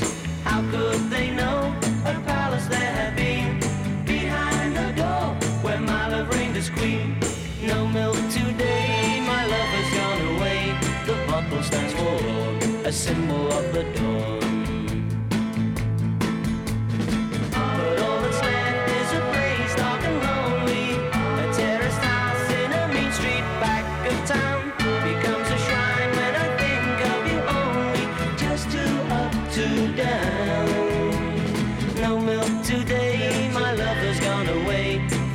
Stands for raw, a symbol of the dawn. No milk today, it seems a common sight. But people passing by don't know the reason why. How could they know just what this message means? The end of my hopes, the end of all my dreams. How could they know a palace there had been behind the door where my love reigns as queen? No milk today, it wasn't always so. The company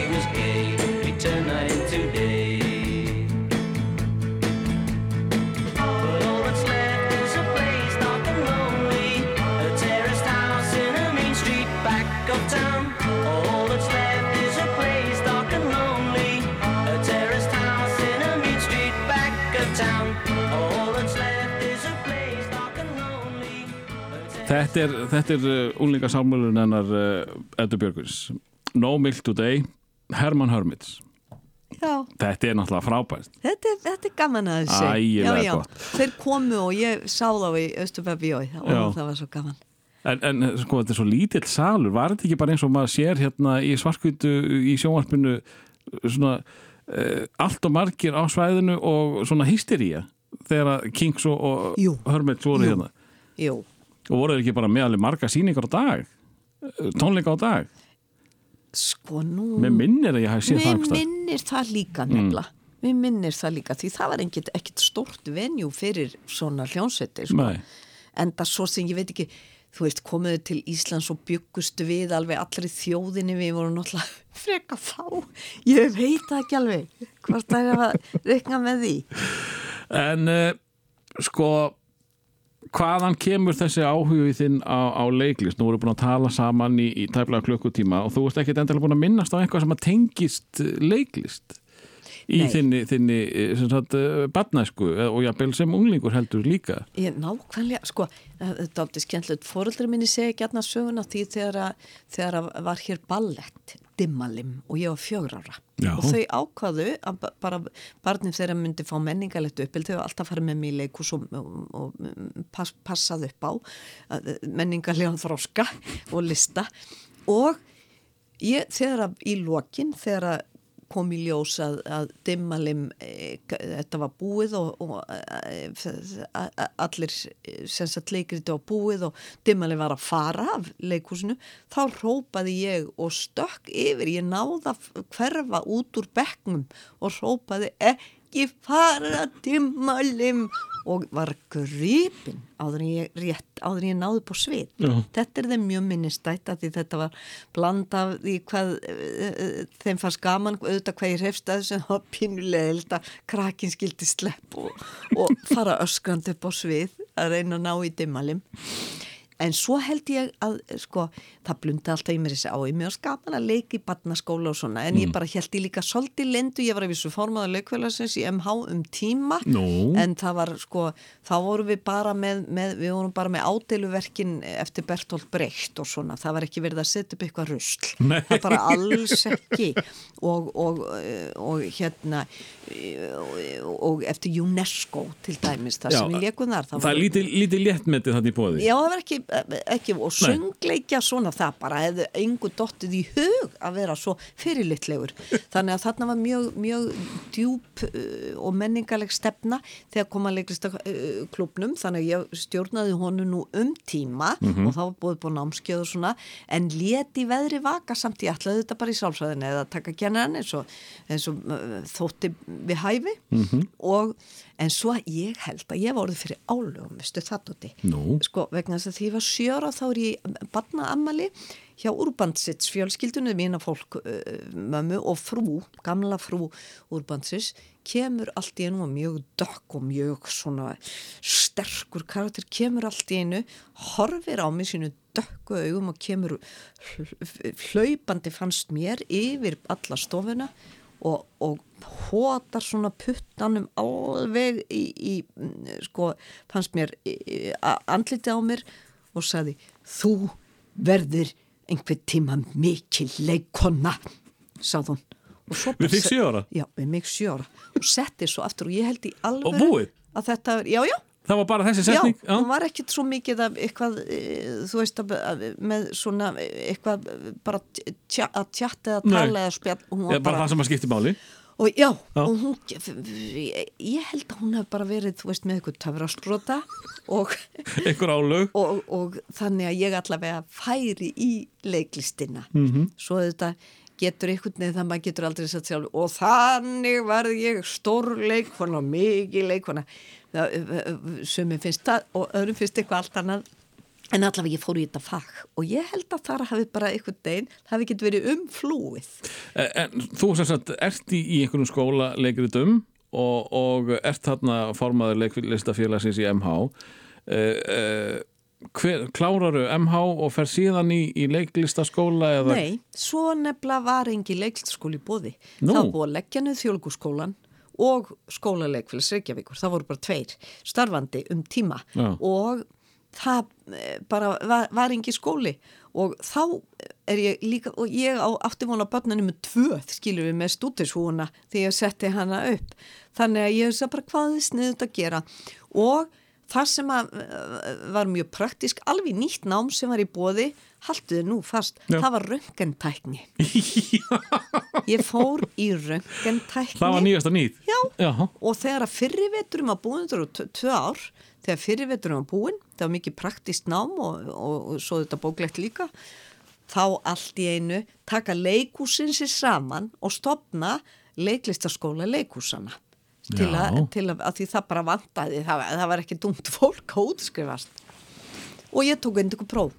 En, og, en, en, sko var áhugin sterkur fyrir hendi hefður, hefði verið leiklistaskóli þegar þú uh, ferð úr MH Já. hefður þú farið í hann Já, ég hefði Já, þú laumast varst- já, þú varst til að. Algjörlega, það var bara eitthvað alveg djúft í mér, alveg ákveðis og ég meiri segja, veitis Fimboa e, var kennarin minn í mentó, mm. e, svo gerðist hún e, leikustjóri, leikfælagi Reykjavíkur og og það er svo skrítið hún hefur verið bara pínu örlagavaldur í mínu lífi. Mm. e, til dæmist að því ég fór til hún og ég sagði bestu að vitið mér langar svolítið að vinna í leikur hvað get ég gert? Og hún sagði "Vi- vi- það er mjög gaglegt að vera kvíslari til dæmis. Og ég var kvíslari í mörgu sýningum áður en ég fór í leiklæstaskólan það var frábær reynsla.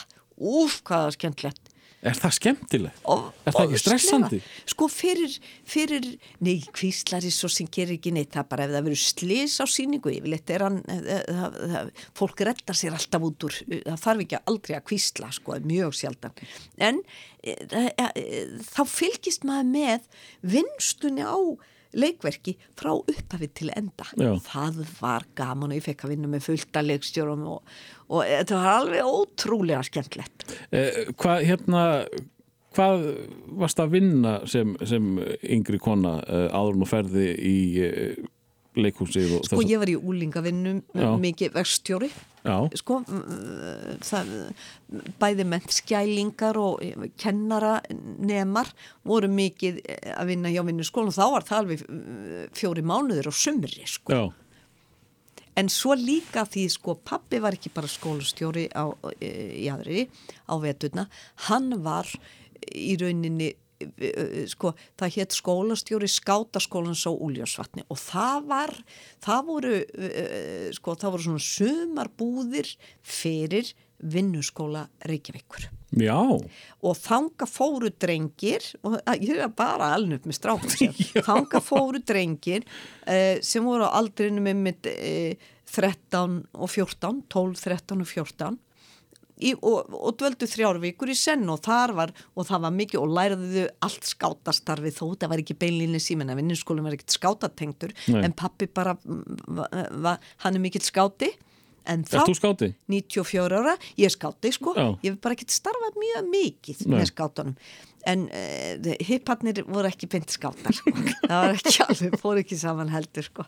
Það var, það var pínu. En, en sko, hippin eh, átti hann ekki að vera svo víðsýtn og, opið fyrir öllu og, og ástin allstaðar Jú, en, en eh, ég skinni þarna smá þröngsýni smá, bæði, sko, fordómhóttni voru svo rosalegir að það voru til dæmis allir sem voru í Vestló voru Já. eiginlega bara sko kapitalistar óalandi og óferjandi er þetta svona gamalt stríð? Vá, þetta er svo gamalt Er svo þetta bara frá ykkur? Já, já, já, já, alveg, sko, það, þótti, það þótti bara ofbóðslega hallast og það var allir kapitalistar sem voru ekki bara einmitt í mussum og fótlaða skóm, skilurum Já. með, með og, og, þú veist, og brjóstahaldaralausar konur sem raukuði sekkjum tröndunum, Já. skilurum Þetta, það var, það var bara reglan, skilur, og þeir sem við út þessar reglu, þeir voru þeir, við vorum svo, svo rosalega fordóma full á þessum aldri, sko. Já, og þetta segja það Svo lærði maður sem betur fer, kannski ymmit fyrr en aðrir vegna þess að það var jú grunnlínan, var frelsi og ást og umburðalindi og, og bjarga heiminum og náttúran og friður að, að þá kom það með aukum þroska Já.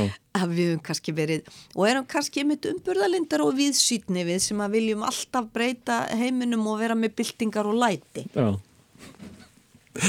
En uh, við skulum þá lauma okkur í þennan uh, leiklistaskóla uh, og erst þú þá í sagt, fyrsta kynsloð þessa skóla Hva, Já, hvað hétt já. þessi? Leiklistaskóli leikúsana Já. og síðan tekur ríkið yfir e, og þá hétt þetta leiklistaskóli Íslands Og var sami skóli er síðan listaháskóli já, svo já, bara færist hann þanga Ok. en, en í leiðinni að þá er ofbóðslega fallet grásrótastarf sem heitir Sálskóli. Það er bara krakkar sem tókur sér saman já, Já. uh, leiklistaskóli Sál. Krakkar sem tókur saman ríðu bara til sín kennara og vildu bara fá að læra þetta. Og það var bara rétt um sama leiti og leikúsin ákvaðu að fara af stað. Þannig að Já, já. þarna voru allt í henni starrætti tveir skóla sem voru gaman en þeir saminuðust í einn þegar að ríkis leiklistaskólinn var stopnaður Mm. sem síðan fyrir yfir í listaháskólan Og, og, og hvernig var, var, var svona erfitt að komast í þetta nám strax? eins Já, það var alltaf, það var alltaf verið það var Einhver- alltaf einhver verið? Sí, já, já, já, já, og, indugupróf og svona Já.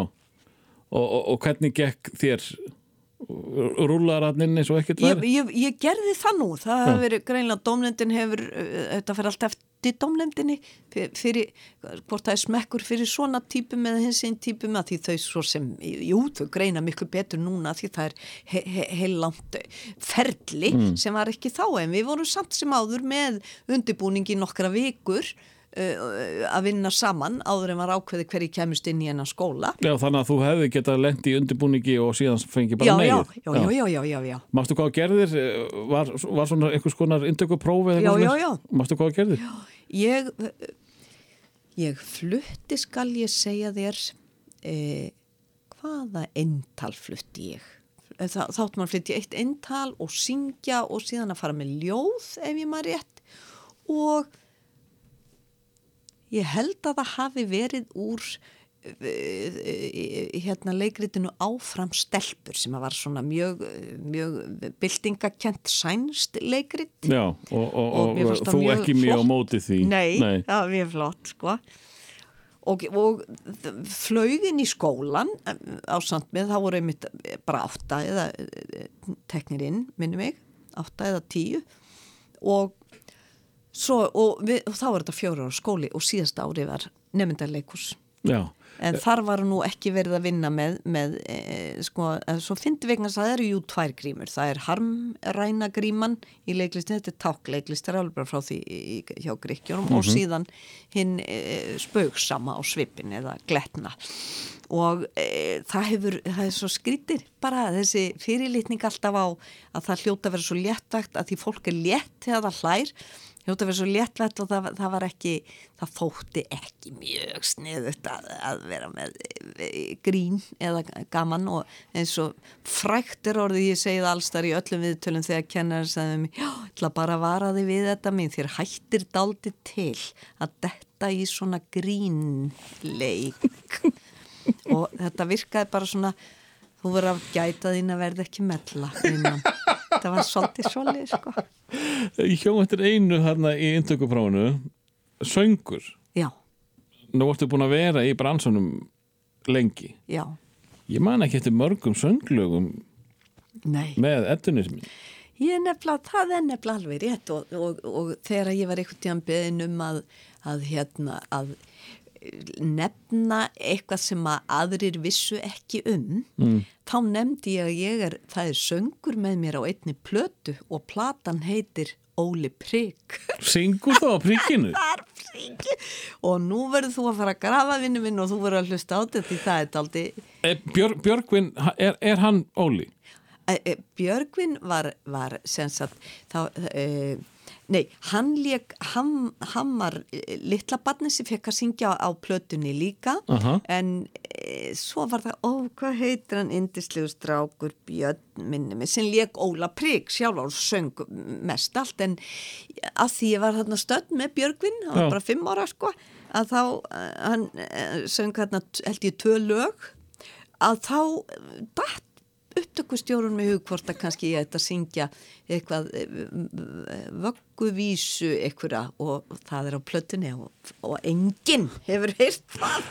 En uh, takk fyrir að láta mig vita. Já, og þegar nú ætlum við að, að gera smá hlýje ég ætla að finna lægið og við ætlum að spila það. Hér kemur það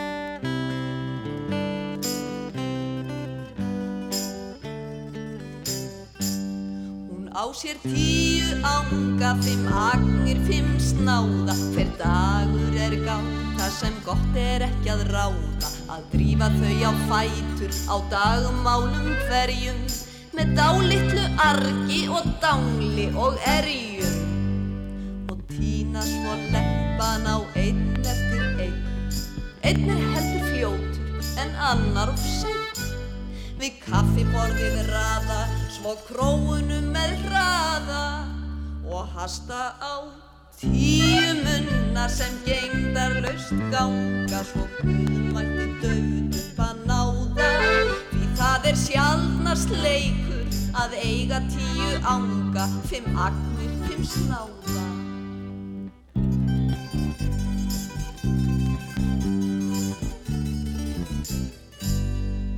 Sér tíu ánga, fimm agnir, fimm snáða. Einn vill farað ólmast en annar til náða. Fimm eiga sendast því senn byrja skóli. Eitt er við brjóstið, tvö önnur tóð í kjóli. Önnur tvö stjákla og stimpast til og frá. Staga svo og sauma ef hlið verður á. Sinna um þvottinn, Set upp grautar pottin Svo koma fimm úr skólanum með sarpana svanga og sulturinn gerir þá bráða og kringum borðið líta má aftur tíu ánga, fimm agnir, fimm sláða.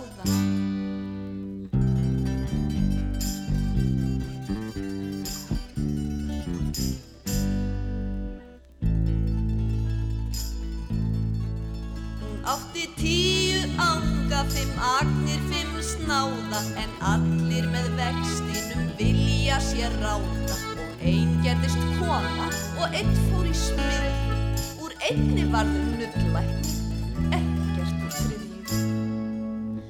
Eitt fór að versla og efnaðist vel. Annar fór að strýta og lafti dauður sker. Og undir einn var hlaðið annar tróðst í svaðið En heima var mögult um haustaftna langa Og hljóðlega gengið til náða. Já, stundum er skrítið að eiga tíu ánga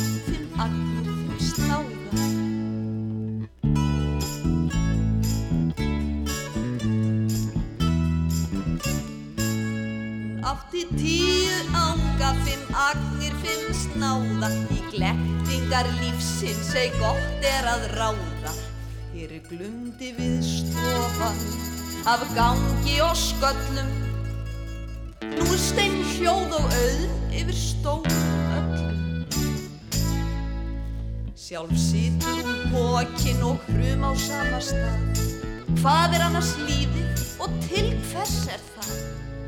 Því undir einn er hlaðið meðan annar treðst í svaðið Það gerir suma metta en aðra aftur svanga svo örvænting grípur til ráða.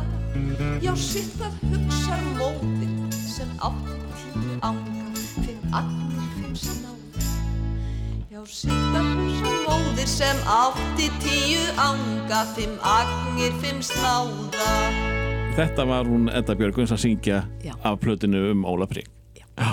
Eh, Svo skemmtilegt En, en eh, sko því þú tala mikið um að, að spjö væri ekki mjög merkilegt hjá, hjá menningar elitunni Já, það þykir ekki mjög d- d- djúpt, það þykir ekki mjög mikið list Nei. og það er bara, það er bara e, þetta, er, þetta, er, þetta er svona alheims mein Já, svolítið og allir grínar að verða nú pínu píslavættir sko, við verum stundur svona, já það er ekki að meta mann og Já, En en, núna náttúrulega núna náttúrulega eh, stendur þú uppi sem sigur með eddi höndu og allt svoleiðis þannig að þú ert búin að taka drömmuna og, og, og hlæja henni sko. Já, já, þannig að þetta er nú, þetta er nú lítið mál fyrir, fyrir eddu mína.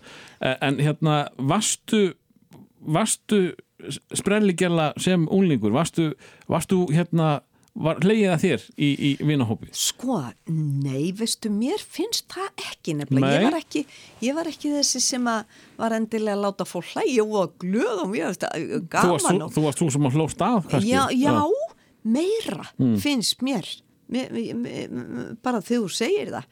Í, í mentó þar kynntist ég einhverjum mestu húmoristun lífsminn sem eru bestu vinir mínir í dag. Það, það, það var ekki margi sem fylgja mér úr gagfræðaskóla það er bara ör, örfáar stúlkur sem við höldum saman og eða fórum að hittast aftur. En í menta MH kynntist ég ábúðslega skemmtilegum dásamlegum húmoristum og þar allt í einu nöyt sín pínliti þar fann ég smá sarkasm í, í mér, þú veist, svona já. smá, smá íroni og hæðni og, og, og, svona, já, kalthæðni og ég fann að það var að virka svolítið, það kom bara óvart. Svoleiðis að það, það, það, þar kannski fann ég svona, já, ok, fólk hlæðir Mm, að þetta er gaman. Já, Já. þetta er gaman. Fannst, sko, hérna, þegar þú áttaðir á því að þú væri með þennan hæfileika að, að uh, já, geta fengið fólk til að hlæja Já, var það svona, ah, hvað þetta er gaman ah, hvað þetta er gott, eða, eða áttur erfitt með þetta til að byrja með, hvað, nei, sko, þetta var bara, ég hugsaði bara, vá, hvað ég er heppin að vera í þessum hóp, það var nokkra stelpur og nokkra strákar var, og við vorum öll eitthvað svo daldi fyndil og, mm. og, og, og eh, gátum eh, hæðist mjög skemmtilega hlutum og daldi orðheppin. Þetta var bara svona daldi uppgötvun en það var, það var einhvern veginn hjá okkur hópnum fannst mér. Ég var ekki, stóð ekki út úr. Nei, það, var ekki þannig. Nei, Ég, ég, sko, ég, ég hef talað við uh, nokkuð marga ég svona gleði, gleðimenn og, og konur hérna í þessum þáttum uh, og margir muna hvenar já, þau sögðu brandaran og, og lifa ennþá á því. Já. Ég man sérstaklega þegar Pétur Jóhann sagði mig frá því að, að hann fann fjöluna sína og hann sagði sama brandarann miljón sinnum. Af því að það gekk svo vel einu sinni og tvísvar jafnvel þrísvar Já. en, en þarna fann hann eitthvað svona sko, hlutverkið í lífinu. Já, Þarna er ég. Já. þú, þú, þú varst ekki nei, þetta nei, er nei, svona, nei, fjarrri því sko. Og mér brátt aldrei í rauninni sko að e, e, þegar í fyrsta leikritun sem að vera eitthvað svona ga gamaverka fólk skildi vera að hlæja sérstaklega að ykkur sem að ég gerði, mér fannst það eiginlega pínu skrítið og, og huglitið þetta ekki þessi setning hjá kennarannu þetta mér hætti til, ég skildi eiginlega ekki hvað var að fara vegna þess að það var einhvern veginn ekkit í leiklistskóla, var ekkit í bóði annað heldur en að fara síðan í, í uh, helst byltingakenda leiklist. Við byrjuðum með, alþ, við byrjuðum með alþýður leikúsinu að fá að vinna með þeim sem að Arnar og Þóldur voru búin að vera með fyrir norðan sérstaklega, stopnuðu sunnandelt og það var bara lífið einhvern veginn, þetta var, við höfðum hlutverk við, við þurftum að ala upp þjóðina og, og benda eh, við vorum með pólitísleikus og, og, og listrætnarleikus sem nokkur er aðrir og að framvegi sko. þannig að ég og, og fyrsta hlutverkmynd til þjóðleikusinu mjög dramatíst eh, hvað var það? handalaus stúlka frá Vietnam í leikrit eftir Jökul Jakobsson sem að, Jáhá. já, sem að uh, hétt svona Skórunnsdóttur Bakarans síðasta leikrit sem að skrifa vegna að hann dó á þessu tímabili Jáhá. og ég man að það var mjög mikil sorg vegna þess að Jökull sem að var svona stórkostlegt skáld og óvenjulegur maður. Hann hafði, hafði þann e, háttin á að hann vann með leikurum, leikverki sín þau hefði verið nokkur slegið gegn fyrir hvað þau voru skrítin og undarlega og flottan bóðskap e, vel unnin og, og, og geggjaði texti. Og, og þú veist og Svavar sýstir hans náttúrulega með, með svona fjársjóð líka í sínum leikritum. E, en hann sko, hann náði ekki að vinna þetta með okkur til enda. Þannig að síningi var pínu lítið höll. Þar að segja að það vantaði þetta það vantaði hann að, að skrifa hana áfram. En Eh, þetta var fyrsta hlutverki mitt og, fyrsta hlutverkið já, er stelpa frá Vietnam já, sem var búið að vera að sprengja af hendurnar og, og, og þetta var ofbáslega dramatíst hlutverk. Já, og, og, og, og, og, og þungt og e, e, sko, já það var bara þetta var svo, þetta var svo hjartnæmt og ég menn eftir ég að fyrsti endurskoðandin sem ég leitaði til mm. hann bara greip utanum og þetta fyrirgefðu ég mun aldrei gleyma þér í hlutverkinu eh, litla stúlkan eh, frá Vietnam í leikriti Jökuls Jakobssonar ég bara, ég grét svo mikið og ég þetta var bara þetta var bara eins og lendin í absúrt bíómynd er ég að tala við endur skotan sem að, ég var að hitta og, og sem að bara var yfirkomin af því þetta, það var ekki eins og þetta var í aðalhlutverk. Þetta var svona bara þetta var þorp út á landi og, og, og þarna og þetta var ádela svolítið á Vietnam stríðið sko og ég, þetta, þetta var svona, já, bara miðlúms hlutverk en, en, en en þarna hann hafði grátið svona mikið. Já, og, og, og, og þá vaknar svo spurning. Uh, hvernig er að, að, að, að sko fá fólk til að gráta? Það, það er gaman að fá fólk til að hlæja. Já, en, en sko hvernig eins og já, þessi ágæti maður endurskoðandi. Já, ég grét svo mikið að, sko bara upplifa að horfa á þig það, það er sko e, það, það er ofseld kikk, það er mikið endorfín kikk fyrir mann þegar fólk hlær.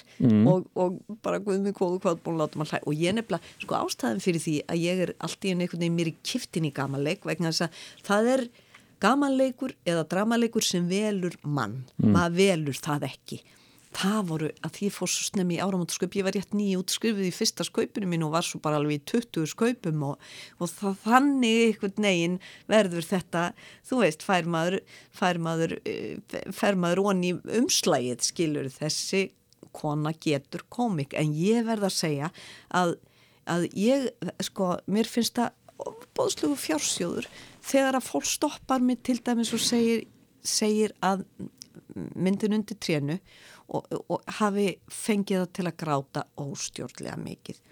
Er, er, er, það, er það góð tilfinning? Já, það er sko, það er, það er góð tilfinning en hún vekur hjá manni sorg vegna þess að, að það er jú margt þarna sem að maður eh, eh, sem er mjög auðvelt að tárast yfir, Einmitt, bara örlög fólksins.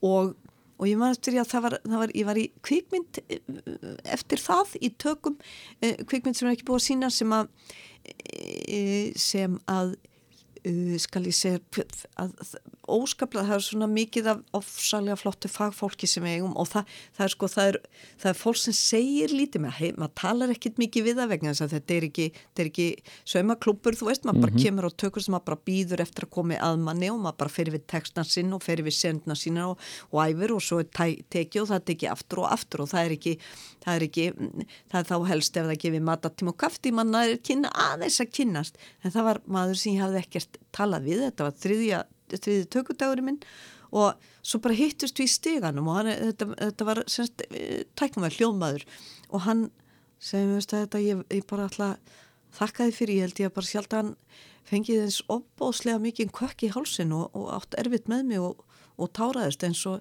eins og senan þegar hún er að konan sem hún leikur er að halda upp á ammali sonarsins sem er ekki á staðnum. Og ég, ég var lengi, ég, þetta snart mér svo djúft, ég var lengi bara alveg að berjast við grátin yfir því hvað hann var snortin, þannig að ég hugsa já, ef að maður sæði út í sal, ef maður gæti verið það sem að kvikmyndirnar eða, eða leik, e, e, gæti verið áhörnda megin, þá kannski fengi maður rosa oft eitthvað sérstatt kikk yfir því hvað fólk er, hvað tilfinningarnar lenda utan á. Mm. Hjá áhorfendu, hvort það er í bíó eða en maður bara ber sjaldan gæfu til þess að upplifa það. Og til dæmis munurinn og gamanleik og dramaleika er, þú heyrir ekkit snögt Nei, nei. þú veist, þú veist í Og raun það reynir, fó- fólk reynir hvað sem er að fela það sko. nákvæmlega fólk er að fela það en þú heyrir alveg hlátur. Já. og þú heyrir hann strax. Og ef hann kemur ekki þegar að Það að er ætlast Já. til það er náttúrulega bara eins og að maður sé skorun og háls. Já, það, þá Það er farið högg í maðan hræðilegt, hræðilegt En eh, sko, þú byrjar uh, í þessari svakalegu drömu uh, Hvenar fer, sko, þú segir að grínið hafi svona valið þig eða, eða, eða komikinn. Uh, hvernig, hvernig gerðist það? Hvað, sko það var svolítið í gegnum áramótaskaup. Byr, er það fyrsta grínið þetta? Já, það er fyrsta grínið mitt, Ertu- bara ertu- 78 Erst þú ný útskrifuð gæla sem að hefur ekkert starfað með, með já, grín? Já, Veljum hana. Já, þetta var og þarna kemur aftur að svona svona, hvað ég segja e, svona leikstjórum sem eru með svo opin huga og með svona e, e, sem að þóra taka áhættu Og hver var það það var, það var Þóldur Þólistóttir sem að leikstýrið fyrsta áramótasköpinu og valdi mig og Sigga Sigurjóns. Og var Siggi kannski ekki búin að vera að grína? Nei, hann var ekkert búin að Er vera að það heldur? Nei, þannig að þetta var Já, alveg, þetta var hérna. ótrúlega skemmtilegt. Svakalega hitt hún áða maður. Já, þetta var, uh, og, og hefur hún nú ofti mitt hitt á, á gott, rétta já. nagla, skilur. Og þú byrjar sem sé í uh, skaupinu 78 Já, og, og, og það, ég, þannig fyrir minn tíma, ég man ekki eftir því, Hva, hvað voru að taka fyrir það? það var nefnilega aldrei, það var svolítið framúrstefnulegt skaupa Nú. því þar vorum við öll í grunnbúningum, pínulítið svona myndum á trúða sem að voru að leika atriðin, þú verður eiginlega, þú verður að sjá, það, þetta var, ég skil vel að það voru nokkri daldi, svo þarna var Flossi búin að vera með sínskaup og það átti ekkert að bregða út af því sem að hafa búin að gera. Þannig að þetta þótti nú hvurslags menningar vinstri sinna lið var búið að leggja undir sig þennan, þennan dagskráli því flósið þó hann væri mjög radikal og byltingasinnaður kalla að þá var hann með grínið þess að grín sko, þó að það væri náttúrulega hárbeitt ádela í öllum hans pislum til dæmis Eh, og, og hérna, byrjar þú strax að skrifa, ertu bara að leika?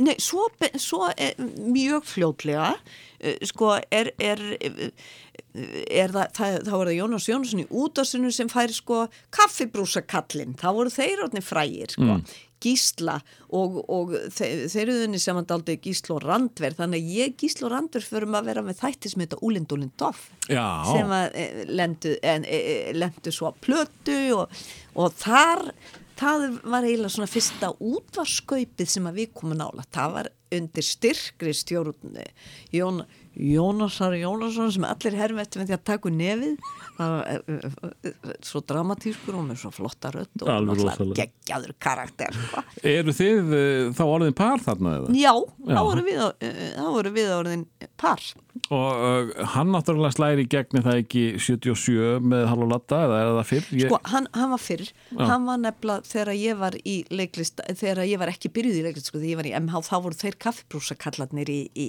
í sjónvarpinu. Já, Í, já. í uh, þáttum sem að, ég heldur að byrjaði í Uglasat á Kvisti, sem Jónas R. var með, Einhver, einhver að sketsa þar? já, Já. sem kaffibrúsakallar. Og ég man eftir því að, að við í MH, okkur þóttu þetta þvílík fíblalæti og þeir hlýtt að vera fávittar. Bara heimskir og bara menn sem að væri ekki talandi við. Alveg sérstaklega þetta hvað mér brá. Svo byrjum við saman í leiktiskóla við kynnist þar. Já, eru þið, er þið á sama ári? e, a, já, Já, mm, saman í skóla. Og þá, uh, ég og kaffebrúskallarnir þá var ég að geta hrókan onni mig algjörlega hráan. Já. bara, og gleipa stóran bita maður þarf, að, maður þarf svo mikið að vara sig á bara að hafa skoðun á hlutunum.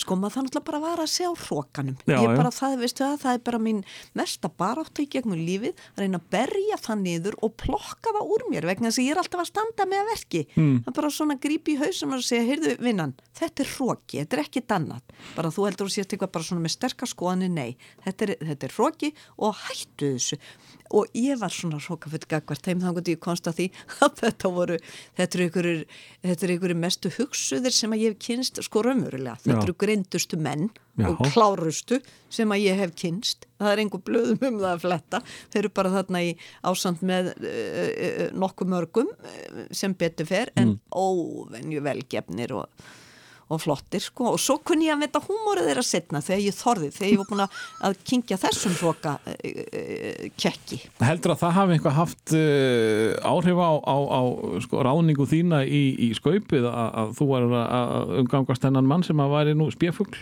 Nei. Gísla? Nei, nei, nei, nei, nei, Nei. Það var, það var sko, það, það, þetta er svo, sko, það, það var búið þá, svona þessi skemmti þættir hérna sem þeir komu fram í og, og það var bara alltaf fengin leikstjóri, uh, sko, Flósi var alltaf með þetta uh, mörg ár mm. og svo var alltaf fengið bara eitt leikstjóri sem hafði frjálsar hendur með hverja myndi velja með sér, bæði leikara höfunda og, uh, annað þannig að það, það kom í e- e- ekkert öðru starfi, þetta er mjög sjálfstætt eh, fyrirbæri þetta áramat sko. Já, nákvæmlega. En, en þið sem sagt uh, já, komast í gegnum það skaup uh, og þú svona einhvern veginn slærið í gegn uh, því þú ferð að vinna með þeim tveim í, í Úlendulindof. Já og, og sko og næsta skaup var einmitt, það, það var eh, ef ég mann rétt þá var það hvenna skaupið Já. 84, ég held að ég hef ekkert komið nálut skaupum en, en í millitíðinni að þá fyrir við að vinna í útvarsþáttunum Úlind Úlindof og- voru með grín þar og þá hlustu bara miklu fleiri á útvarp sko. En, en hvað hérna, úst, var þetta á lögataskvöldum, hven, hvenar voru þættir? Úlind Úlindof, Já. já, mér minnir það að þeir hafi verið, verið á, á ljótaskvöldum uh, við til dæmis, svo var ég með, með um, eh, þátt sem að hétt á tali, þá vorum við konar þarna með kvennaframbóðið og þar var mjög mikið svona feminista uh, blær á þeim þætti við tölum við fólk og þá byggum við til litla sketsa, það var í fyrsta skipti sem ég fór að skrifa um um Ella og konunans Ella sem að hún var svo mikið undirgefin að hún hafði einu sinni nafn sko. og þetta var okkar harbeitta miljandi fyndna ádeila á, á feðraveldið elskan mín, þarna var fyrsta skipti sem ég sparkaði í P.U. þú veist á, á feðraveldinu E- En uh, þú skrifaðar ekki með í, í, í Úlindúlun eða? Jú, þá, þar var ég líka höfundur sko. Já. Þannig að við, þetta var svona á svipuðum tíma. Þetta var Já, tíma. þetta var á svipuðum Og, tíma. og, og hvernig sko, nú vaknar áhugum minn allir að- kona tala um útvarp. Já. Eh, hvernig voru þættinni byggður upp að því eh, sko eh, venjulega eru útastættir allavega hálftími, klukkutími en það er nú ansið mikið verk að halda uppi gleði í, í klukkutíma. Hvernig, Já, hvernig Þe- við vorum með, sko, eh, á tali það var viðtali í 20 mínútur og svo vorum við með eh, 35 mínútur og undan og eftir sem voru sketsar sem voru þessi konans Ella en, en svo En voru viðtalið- viðtali. já, viðtalið- Það gekk út á að bara hvort að kallmenn á elli heimilu, við fórum að heimsóttum þá til dæmis, hefðu einhver tíman tekið til hendi, skipta börnunum sínum og svona hvernig heimilislífið hefði verið og, það og var nett ádela í því var líka. það, já, já. það eh, var eh, mjög mikið, þetta var, þetta var eiginlega svona fyrsti fe, feminista þátturinn sem að ég vann Já. eftir, allavega sem ég kom nálagt sko og e, e, ég meina þetta lista, listakonur höfðu verið mjög hárbeittar í sinni ádeilu en, en svona bara útvarps, það var ekkert mikið um útvarstætti þar sem var verið að að taka grimmilega á þe, þe, svona mm. pólitísku eldfimi Og hvernig var þessu tekið? að því- Þetta er Þetta þótti skrítið maður. Já, þetta er svolítið hast. Já, Þarna, þú já. veist það að, að, að, að gamli kallar uh, skiptu ekki oft Já.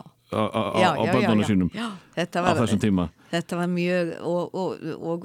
Voru það, voru það ekki að grína köllunum? Nei, nei, við Nei. bara vildum virkilega fá að vita en við gerðum ekki grínið var í, í skettsonum Já. þegar, þegar kona Ella var svona alltaf undirgefin og fannst alveg eðlilegt til dæmis að, að hún, hún inni fullan dagins og hann enn gengi líka auðvitað frá þvottinum, hann var ekkert í því auðvitað og hann mm. þurfti að horfa sjónvarp og fylgjast með fréttunum og meðan hún gekk frá og þreif og svona og sá um börnin og, og, og þetta og þetta, þetta skrifum við og leikum og svo sem sagt og ég fór að skrifa þarna Úlund Úldof en það var allt öðris vegna þess að þar var fólk í sal. Það var pildi aftur komið í svo var gestþættina gestir í sal, við buðum í sal og þannig að það var tekið live hlátrar með fengum stóra hópa og, og svo eh, vorum við búin að semja auðvitað í langa tíma og æfa og, og fluttum þetta og notum hláturinn sem kom. Já, og stóðu bara við hljónumanna með, með handritið? Já og kannski pínu settum á okkur húur eða já. bara fyrir fólki í salnum, ekkit mikið. Og, og hvað var þetta langi þetta? Þetta var klukktími. Klukkutími? Já, já, já, já, já, já. Og það hefur vantilega verið með hreisandi dagulegu minn á milli. Svo var við vorum nefnilega með hljónsveit. Já, þetta var bara svona skemmti þáttur. Þetta var skemmti þáttur, þetta Já, bara var já. rætt í sjó svolítið nema gaman efni var allt okkar. Já, já, hó. Þetta hefur verið full vinna bara. Þetta var, þetta var rosalega mikil vinna. Já, Við vorum með þetta, já, ég, ég, á tímabili held ég að við höfum verið með þeim eitt, eitt þátt í mánuði og það tók alveg mánuðin að skrifa þetta. Já, og þetta já. máttu við gera, ég var nú daldi hissa á því að fengum bara alveg ágætlega að borga fyrir þetta sko. Og, og, en, en sko á þessum tíma uh, uh, þarna þú að slá í gegn sem uh, grín kona er, er, er þá eitthvað um það að fá, fá þig til að skemmta eða Sko, þarna byrjaði það svolítið Já. því að til dæmis Túrula Jóhansson færiski slökkvilis frömmuröðurinn sem var mín og, og, og, og Örþrún var svona fyrsta fulla konan mín að hvað, svo, hvað heitir hún? Örþrún Mógensen og, og þá þegar ég bjó hana til að þá, þá eh, var ég alls ekki að, að eh, hérna, nýta í vinkonur mínar indislegu uh, sko, sýsturna Kristín og Helgu sem eru mjög góða vinkonur mínar en bara okkur fannst eftirnöfn öll svo fyndin mm. þannig að það var sjutt og skram og, og Móensen og, og Bíltvið og þetta bara okkur þótti þetta eitthvað alveg sjálflega fyndið og allir karakterisni okkar með einhverju eftirnöfn Hvernig, hvernig var fulla konan til? Sko ég hef alltaf, þetta er nefnilega svo fyndið að því nú er ég að leika alkoholista í bæði risaðlum og ég er að leika alkoholista í, í undir trénu, gjör ólíkar konur Já, Og- mjög, já. en e, e, þetta er eitthvað, e, sko ég fullt að, bara ég ber gæfu til að vera, vera í fjölskyldu þar sem er mikill alkoholismi en allir í batas og það er indislegt og mér finnst þetta, þetta var alltaf verið svo mikið stúdía hjá mér. Þetta til sérstaklega konur að leina því að þær eru druknar það, þetta er bara eitthvað það skemmtilegasta sem að ég hef gert alla tíð að, að e, pilda herm eftir þeim og æfa mann á þess, þess þú veist eins og druknu konurnar í minni fjölskyldu sem að Veist ég nenni bara ekki alveg að tala við núneska mína því þú nú ertu bara búin að fá þér og mikið í glas þú ertu bara án svolítið drukkin ég er ekki full eða mig, ég er bara sár. Þetta var til dæmis setning sem að ég ég fekk frá, frá nánum ættingja, mér það svolítið fallið Já. og þetta, mér eru alltaf þótt þetta ofbóðslega skemmtilegt. Og, og þegar maður er að semja efni þá er maður bara fíblast bara svona, við erum bara að búa alls konar til og fíblast og, og þá bara út í bláin er maður að, að e, þú veist, kannski að segja um að fara í mat og þá bara annarkvort gerir maður á færisku eða, eða, eða dönsku eða, eða drukkin eða eitthvað. Og þá, hei, búin til sketsin þetta. Þess er að baka maður og, og setur séniver og seridrópa og, og, og, og býr til svamptertu. Ég held að þetta uh, þegar að þessi ágæta kona var að baka fyrir okkur sé það fyrsta sem að ég man eftir sem að þetta Björgun skerið Já, það er nefnilega það. Ég held það sko. Og, og, og náttúrulega eina af uh, þínum frægustu senum er fullagerlan á, Heyrðu, vilt ekki sjá með brjóstin og það? Segðu, þannig að þetta er, e, þetta er nú kannski rannsóknarefni- Já, þetta er rannsóknarefni fyrir, fyrir kannski þerapistana í kringum mig. Akkur þetta er svona afsalega, akkur ég fær svo mikið kikk út úr þessu. ég, það, Slessoka. En líka það, sko kikkið er líka að, líka að sko það er til dæmis ofbáð, við vorum svo mikið að vanda okkur að gera e, til dæmis e, sko á leiksviði þar sem að þarf með svo mikla orku að leika að gera ekki fullu kellingun og fullakallin óþólandi Mhm. af því að það er svo oft óþólandi vond að sjá e, e, drukk, e, þú veist, þegar leika, leika, verður að leika drukki fólk og það var svo mikið glíma og svo mikið áskorun og það er svo erfitt að gera það og það maður þarf að fara svo marga leðnum að prófa svo mikið og, og þetta er svo fínleg lína. Sérstaklega á leiksviði og auðvitað í kvikmynd líka. Hvenar, hvernig og maður tólkar það auðvitað allt öðru sem fyrir ólíka miðla, ólíka, ólíka karaktera en þetta er svo mikið áskorun. Þetta svo mikið áskorun að reyna að gera þetta trúverðugt. Mér langar að uh, heyra hvernig uh, vinkunaðinn bakar köku. Komið þið sælar góðar eldúsmellur. Í dag ætla ég að gefa ykkur uppskrift af svamptertu í sérrilegi sem að ég kalla svamptertu í séniverslegi. Við byrjum á því að láta þrjá bolla af hveiti, þrjá bolla af sikri og þrjá bolla af liftidufti í skál. Fjórar saltnetur og eitt popcorn. Síðan opnar maður séniversflöskuna og hellir í mjölkuglas. Takið ykkur vænan gúlsopa af séniver. Og hellið samsvarandi magni út í degið. Hrærið vel í. Takið aftur vænan gúlsopa af séniver og hellið síðan samsvarandi magni út í degið. Nú ætti degið að vera orðið nægilega rakt. Fáðu ykkur kannski aðeins meira af sínumögnu. Nú er sénumis glasi orðið tómt. Allavega hjá mér. Takið þá sénumis flöskuna aftur og hellið aftur í glasi. Takið síðan tvo væna sjúsóglasum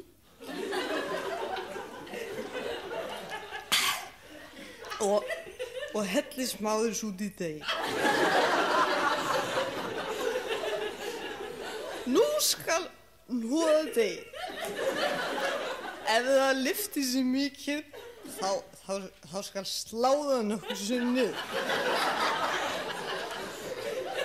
Ef það dýr ekki, að þá skuluðu berja það niður. Ef það liftir sér ennþá óeðlilega mikið, þá skulum við taka það með valdu og binda það niður. Takið síðan þrjá væna gúlsopa sínum og spýtir samsöndi magn út í degi. Nú er komið tími til að nota svampin. Þið tekið 2 kíló af dúnsvampi og reytið einhvern veginn út í degi. Klárið síðan afgónum að sína hann úglasum og spýti pílu í degi. Síðan skulið þið sletta deginu í formið og fá okkur væna að sopa. Ah, síðan búinn. Þá skulið þið bara taka sérri sem átt að upphæðu að vera í testinu og er í gamlu uppskriðni og helli í glasi. Takið síðan gúlsopa og spýtir samsvöndi magni í munstri yfir degi. Síðan, síðan skulið reyna að finna opnin. Hann á að vera einhvers það. Hvað já, þið þið skulið bara fleia deginu eða yfir forminu inn í opnin. Það sé að festist ekki inn í opnin. Ég, ég voni að ég ekki glemt að kveikja á honum áður þið byrjuð. Síðan, síðan skulið þið leggja ykkur. Það ætla ég ætla að gera. Svo, svo þegar runni af ykkur að þá svantast þenn tilbúið.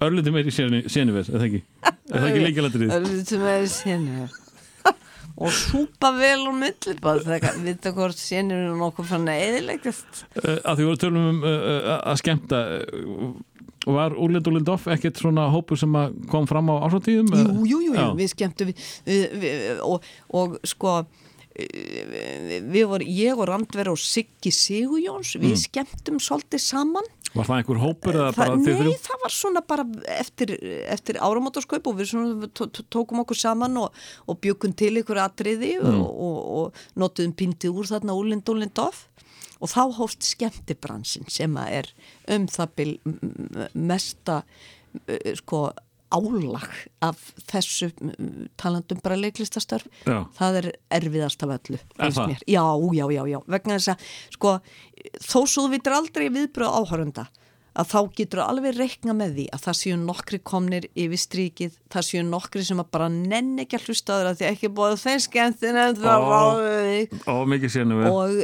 og mikið séni ver og, og, og það bara, þú veist, tímasetningin hvenar ertu þarna Mhm.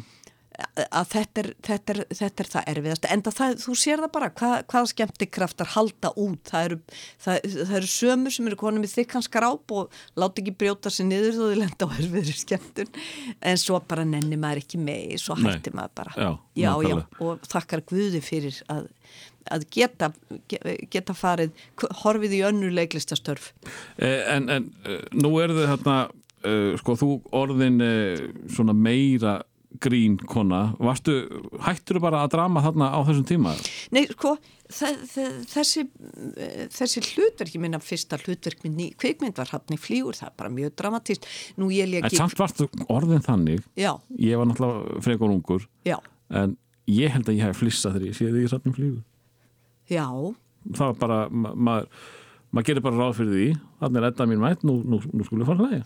sko, það, uh, sko, já, ég, því, Ég var- ég var hugsa- ungur. Já, já, þú verið Ég ungur þá og kannski verið búin að sjá eitthvað en, Já, og en ég er ekki vel gefin heldur, ég var, sko. þetta var nú frekar, sko, og, og ekki kannski, þú er ekki verið mjög skarpur eskan en Nei. svona bara byrjaði að brosa en þetta, þetta var svona, þetta var fyrsta kvikmyndahluturki mynd og ég var frekar ung þegar ég, ég semst, lék þetta svo var það gullsandur, það var stórt hlutverk líka sem að, eh, og það var Var það ekkert ekki sem í- það var ekki fyndið, það var ekkert grín í því Var það ekki grín? Nei, þannig að þetta er bara svona, ég nú lendi í ymsu og svo fór ég að skrifa, svo var framhanstáttarserja sem hétt fastiliðinu svo venjulega, þar er ég höfundur á samt með Helgu Torberg, við, við, þá voru við búin slá í gegn svolítið í útarpinu þarna með, með eh, þættin á, á tali, fyndið, ég hétt á tali eins og hemmi tók upp Já. síðar í sjónvarpinu, en e, þarna var þetta var bara því að önnu var alltaf í síma, mm. sko, það fannst eitthvað sem fyndið, það náðist ekki alltaf í hana, sko.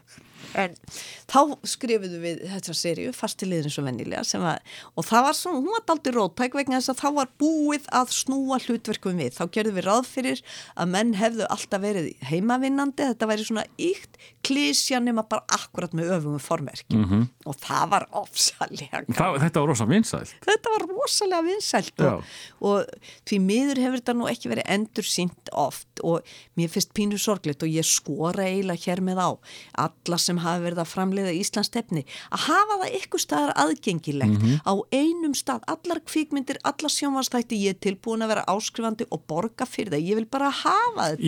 Sumt nær maður aldrei í. Nú er svo létt að, bara búa til einhverja miðstöð og, og maður leigir þetta á, á kannski eh, ekki of mikið pening að, því að, að, hérna, það er til svo mikið að þessu og frekar en að, sapna ríki að búa til einhvers konar uh, vot eða hvað þetta heitir allt saman Náfæmlega með Ég- íslensku efni, þetta er viðskipta hugmynd og ég bara, ég skora á eitthvað sem er að hlusta á okkur, viljið þið fara af stað með þetta? Nákvæmlega. Ég skal vera fyrsti ætla skal borga mánaðagjald til að fá allt íslenskt efni sem eru gert frá byrjun, sjónvas og allar íslenska kvikmyndir frá, frá byrjun kvikmyndagerðar hérna. Ég held nefnilega að, að þessi nýji rúfspilari Já. sé að verða eitthvað svona, sé hægt að grafa í gullkistuna endalust Ég vona það vegna þess að til dæmis, sko. þú veist, núna fer, fer efni í sarpin, Mm. en það er þar ekkit lengi. Nei, nei, það, Nei, sko, það, það var að tala um þennan, þennan, þennan spilara það sé hægt að, móka þar eitthvað þa- nákvæmlega, Já. svo getur þú farið inn á þessa leigur, Já. þessa votta og, og hvað þetta er sko. Mm. en það, það, ég vil hafa þetta á einum stað, bara Nákvæmlega. íslenskt efni uh, uh, uh, bara þeir sem nenna fara út í þetta ég, ég, ég, ég með Eh, nú hérna búið þið saman, þú og Gísli. Eh, unnuðu mikið saman? Já, sko við, við unnum rosalega mikið saman á meðan við byggum saman. Mm. svo uh, hættum við nú að búa saman og erum miklu betri vinnir eftir það sko. Já, já, já, já, já, já, það er bara okkur gengur miklu betur bæði að vinna saman og, og, og, og fýblast saman sko. Mm. en e, það var rosalegt álagmaður og, og með börnin og þetta var svaka álag Vor, eh, sko, já, með börnin eh, á heimilinu að skrifa einhvað undir pressu jafnvel Já, já, Já. eh, við við vorum alltaf að, að eh, við vorum alltaf að leika, við vorum alltaf að skrifa, við vorum alltaf að búa til, við erum svona ofvirk líka bæði, við vorum Já. alltaf að fá hugmyndir og reyna framkvæma þær, sko. uh, Hversu mikið tókuðu þátt í hérna heilsubælinu í, í, í skriftum og, og Sko við, það var, það var, eh, það er okkar verk í rauninni, sko, heilsubæli frá uppöð til enda, eh, bæði skrifin og, og hérna, latti, náttúrulega bætist þar við Þetta er ykkar hugmyndið eða hvað? og júli, Já. já, já, þetta er okkar hugmynd. Já, þetta er nú eitt af- stærstu íslensku verkunum Þetta er svaka Ég get mikið ekki verk náði þetta nei, Nei. stöð 2 var með þetta og Mm. þarna e, sko mm, eh, og þeir þeir í rauninni sækja okkur og bjóða okkur bara hvað viljið þið gera og við förum bara af stað og okkur fannst svo fyndið að það veri eitthvað svona eitthvað heilsubæli mm. samber heilsuhæli að gera grína læknum og, og, og svo framvegis sko uh, að því við erum þarna eh, hérna hjá uh, Norðurljósum eða hvað er þetta hér þá uh, Já, hún uh, var aðalega á bylgjunni það ekki framan af. hún byrjaði, sko þegar bylgjan byrjaði Já. þá förum við fljótlega saman með, eh, með þætti sem fjölluðum Bibbu Haldur og Bráallagöttinni það var Randver sem að leik Detta sem var bróðir Bibbu og það var Júli sem leik Haldur eigimann Bibbu og svo fer hún bara pildið á flug við erum þarna í nokkur ár við þætti, svo þegar við hættum að þá, þá höfðum við að þannig að Bibbiði flutti Flórit og þá ringd hún gjarnan inn í þætti og svo var hún komin til hemma og svo byggum við til leikritum hana og þannig að hún er búin að lifa fjölbreyttu lífi og kemur svona gjarnan aftur og, uh, upp á yfirborði. En, en hún var skrifa vantalega uppalega sem aðal. Uh, uh, Hinni tveir voru bara... Nei, var nefnilega, nei, nei, þetta var bara um hjónin, Haldur og, og Bibbu og, uh, og það, það sem að kveikti í okkur daldi, það byrjaði að vísa ekki þannig en þegar við fórum, það, það, þarna voru kveikanstöð, Rástvö og Bylgjan og það var, eh, það var ekki mjög nákvæmt til dæmis eftirlit með íslenski tungu og meðferð sko á Bylgjunni og á þeim stöðum sem sem spruttu upp út frá þessu. Og það, okkur þótti alveg meinfindið að að Talaði hún talaði svona. Og hún talaði ekki vittlust til að byrja með. Þá voru bara, nei, þá voru þau bara svona, svona plebbar. Já, það voru bara svona eh, bólur þess tíma sko. Og, og með ofsalega eh, ofsalega svona eh, já, við töluðum píldi niður til þeirra mm. agnar lítið en svo þróaðist þetta út í að vera, hún var með þessi orðtök, öll vittlaus talaði sem þetta vittlaust mál en, en Bibba hefur alltaf verið svo sem að hefur hampað þeim sem að, sem að eru til skammar í í samfélaginu. Þú veist, hvort sem eru stjórnmálamenn það eru þeir sem að Hún tekur alltaf röngu hún hliðina. tekur alltaf upp hanskan fyrir þá sem skandalísir eða stel eða lendi í fangis það eru hennar vinir Mm. og, og hún hefur alltaf stjórnmála skoðanirnar sem að, e, einhverjir hlæja hvað mest að. Svo það, hún er, hún er á pólitísk auðvitað Já, já. En- uh, sem sagt byrjaði ekki sem uh, kona sem að sneru út úr svona orðtökum og málsvartum. Við til dæmis, e, það var ein spóla gefin út með þessu efni, Já. lítið svona, þú veist, kassetta og þar, er, e, þar eru engin vittlus orðtök, þar eru fullt af, þáttu ég veit ekki hvað, 14 þættir og ekkert, ekkert slíkt, en þetta var mjög skemmtileg tilraun, þetta var sábuópera, sko, mm. kalluðum við það í útvarpi, sem var bara þrjár myndu, þrjár og hálf mynda hver þáttur. Og þá hlustuðu allir á nýju út á stöðuna bylgjuna og þá var fólk bara tók hlje á vinnustöðum. Við fréttum það, settist niður í jæja, tók aðeins kaffi nú þau eru að byrja, brávallagatan. Hvað hétta bráðallagatan? já, brávallagatan. Bibb á brávallagatan eða fólki á brávallagatan, ég menn ekki alveg hvað, Já. hvað var al, alfyrsta. En, en, en uh, sko, og, og hún, uh, hún lifði þetta af og, og uh, ertu ennþá að þetta í bibbu? Við, við höfum einstakar sinnum eh, gætt hann að lífi til dæmis þegar ég gerði svona síningu, safnaði saman og gerði síningu sem mig langaði að gera sem hétt bara Eddan og var í, í, í, í byrjaði gamla og voru svo í Östubæ þá vöktu við hana til lífsins og ég var mjög hissa á því einmitt hvað hún þótti ógeðslega að fyndi hvað fólk trilltist að hlátri yfir e, e, þeim atriðum þar sem að hún kom inn í sko. við höfum hana búningakonu Eddu Björgvins. Já, og ég var, ég var undrandi, ég var mjög hrætt þegar að, þegar að tónlistagúrúin minn og leikstjórin og, og fleiri vildu endilega bara, jú, þú verður að koma með bippu, að þá var ég og Túril, það er verið að koma þarna við sögu þá var ég alveg bara nei, nei, það er ekki þetta endur og það mun ekki gera sig svo var þetta, þannig að fólk pissaði í sætin ég var mjög undrandi á því Uh, varstu búin að, var hún orðin sjónræn? Mm. Ég man eftir henni í einhverjum auðlýsingum. Já, sko, hún var hann sjónrar vegna þess að, að sko, bæði höfðum við gert farsa sem hétt Brávallakartan Arnanesi þá fluttu þau þau fengu arfhjónin mm. og við skrifuðum þennan farsa og síndum hann einmitt í gamla bíó sín tíma þegar óperan var með það hús og, og fyrir fullu húsi og bara ofsalega vel lukkað. Svo látum við Bibbu sko, hún sérst, eh, þau, þau verða rík og flytja á uh, Arnanesi svo er Bibba með, með eh, það var svona málhreinsi átak í ríkisútvarpinu og þá var alveg rakið auðvitað til þess að hafa spauilega hlið á því að láta hana fara í málhreinsun til íslensku fræðings. Og þá voru til dæmis það nokkra auðlýsingar til þar sem vorum að auðlýsa þetta átak, þetta var raunverulegt átak og e, það var nú nokkri menningar e, frömuður sem þótti þetta forkastanlegur dónaskapur að draga upp einhverjar gríndruslur til þess að, að kenna íslenskt mál. Og myndi, við myndum hreinlega kenna bull bara með þessu, það myndi festast í sessi.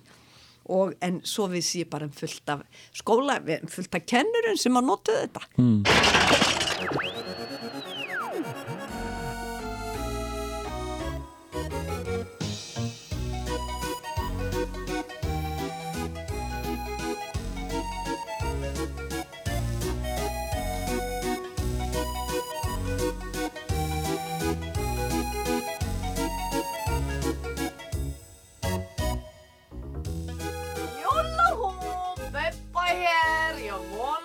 ekki á sein. Gjörðu svo vel, Sigurbjörg, gjörðu svo vel. Nei, veistu, ég tafði snabla dolti vegna þess að ég sá hérna fyrir utan hús alveg íðislega sætan eldur og íðan pizzan tækasport með blæi 88 mótili. Þú meinar árger 1988, er Nei, þetta? með þannig er sko, mér hefur svo lengi dreymt um að eignast einmitt alveg nákvæmlega svona bíl.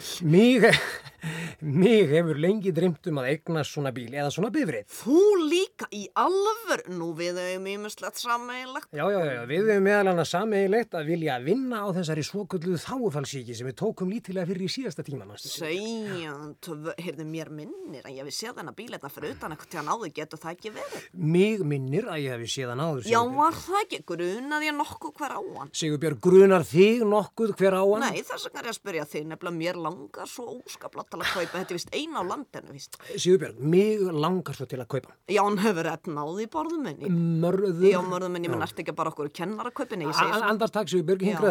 að. Já. Já, Já. hingraði nú, við.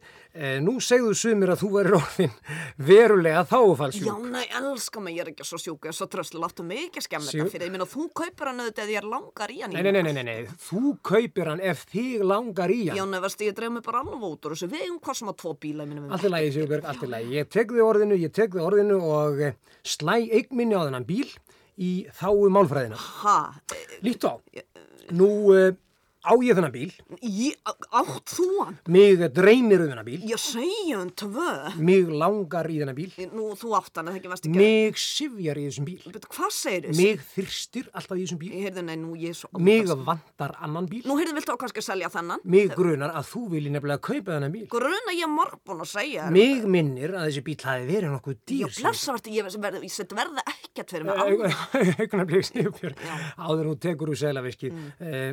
ég Þessar sagnir sem ég notaði í bílaleiknum, Býtu sagnir? já, sagnir eins og um, dreymir, langar, uh, sifjar, vantar, grunar og svo framvegis, Já, þær eru svo kallaðar ópersónulegar sagnir. og persónulega... Já, þær eru ópersónulegar, þær breyta ekki um persónu.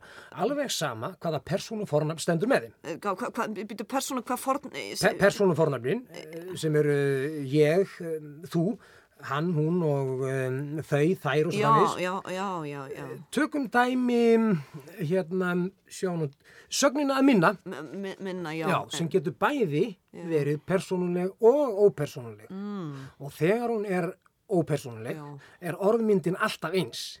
Hlustaðu, mig minnir, þig minnir, þau minnir, minnir, minnir, minnir. Nú, já, bara alltaf semst eins. Alltaf eins. Já, já, Ópersónulega sagnir, þær breytast nefnilega ekki. Já, nei. Og fornöfnin, Já. er þetta að hlusta Sigurbjörg? Já, já, já, ég Já, er... persónufornöfnin Já. sem venjulega stýra persónusagna, Mm. þau verða áhrifalaus og lenda í þolfalli eða þáfalli. Já. Mm. Manstu, mig minnir, þig minnir, þau minnir, mig, þig, þau. Það er þolfall. Þetta er nú ekki eðlilegt. Jú, jú, Sigurbjörg, þetta er fullkomlega eðlilegt. Hins vegar, Já. ef þessi samasögn tekur aðra stefnu og verður eh, persónuleg, þú ert að fylgjast með þetta ekki? Já, já, já, ég... Ef hún verður persónuleg, Já. þá er sögnin farin að breytast eftir persónun. Nú, já. Skilur þið? Ég minni hann á eitthvað, þú Mm. minnir á eitthvað, þau minna á, við minnum á. Já, býtu, býtu nú við, e, e, Hlustaðu, þá eru fornöfnin alltaf í nefnifalli, skilur ha, Fornöfnin, ég, þú, hann, hún, þau, þeir og svo framvegis. Já, já, já. já. Ég minni, þú minnir, við minnum. Já, já, hörðu, veistu, ég held að þessi alveg búin að ná þessu, sko. Heyrðu, en hvað kemur þetta bílinu við að því nú að Þannig tala- lagað að, að sagninnar okkar frá því áðan Já. Sigurbjörg voru allar ópersónulegar, mannst ekki, mig dreymir, mig vantar, mig langar eða eh, þau dreymir, hann vantar, þær langar í, eh, já, til dæmis hennan bíl. Hvað ert að segja? Er allt þetta fólk kannski búið að bjóði bílinn? Sigurbjörg, þetta var nú bara dæmi, Heyrðu, hörður, mörður. já, ég segja nú bara persónlega fyrir mig varaða á að selja hann ekki eitthvað sem þekkir ekki. Þó svo sem kannski voða almennur og bjóði hátt í hann, ég minna, ég segi bara, oft er flagðið undir loðinu skinni. Æ, nei, Sigurbjörg í Guðspænum. mörðu, ég get Nei, svarið. nei, nei, nei, nei, nei, nei, oft er að lagð undir fögru skinni. Já, emmitt, er það svo þetta kannski bara eitthvað pakk sem á ekki bót upp í rassin á sér bót fyrir rassina. Ég segi það, sko, þeir langar kannski móðal í bílinn. Þau langar í Ég bílinn. hafa bara gefnu, ég þekki svona fólk að svíður að Kennsluþættirnir Bibba í málhreinsun eru framleittir fyrir málræktar áttak 89 af Gríniðjunni HF. Við erum hér að eh, ræða málin uh, Greenland 2 og, og það er Edda Björgvins uh, sko náttúrulega við höfum ekki tíma til þess að fara yfir allan ferilinn og, og, og eins og ég segi, við erum bara að ræða málin en, en ef ekki aðeins að staldra við sko, sko einna sigurunum var uh, Stella Stella varð einhvern veginn e- e- eign þjóðarinnar. Man- Hún varð heimilisvinnur og eign þjóðarinnar. Já, ég man nefnilega eftir því uh, sko hún var sínd hvort að jafnvel að hafa verið Stella 2 uh, að uh, hún var sínd sem sagt klukkan 12 á miðnætti á Rúf og það var partí allt í kringum mig ég satt og horfði á hana. Búin að sjá hann áður sko. Já, já, það er nefnilega það. Ég, ég, ég, sko aðeins búin að sippa, ég var búin að fá mér séni ver, þannig að hún var svona meira fyndin jafnvel.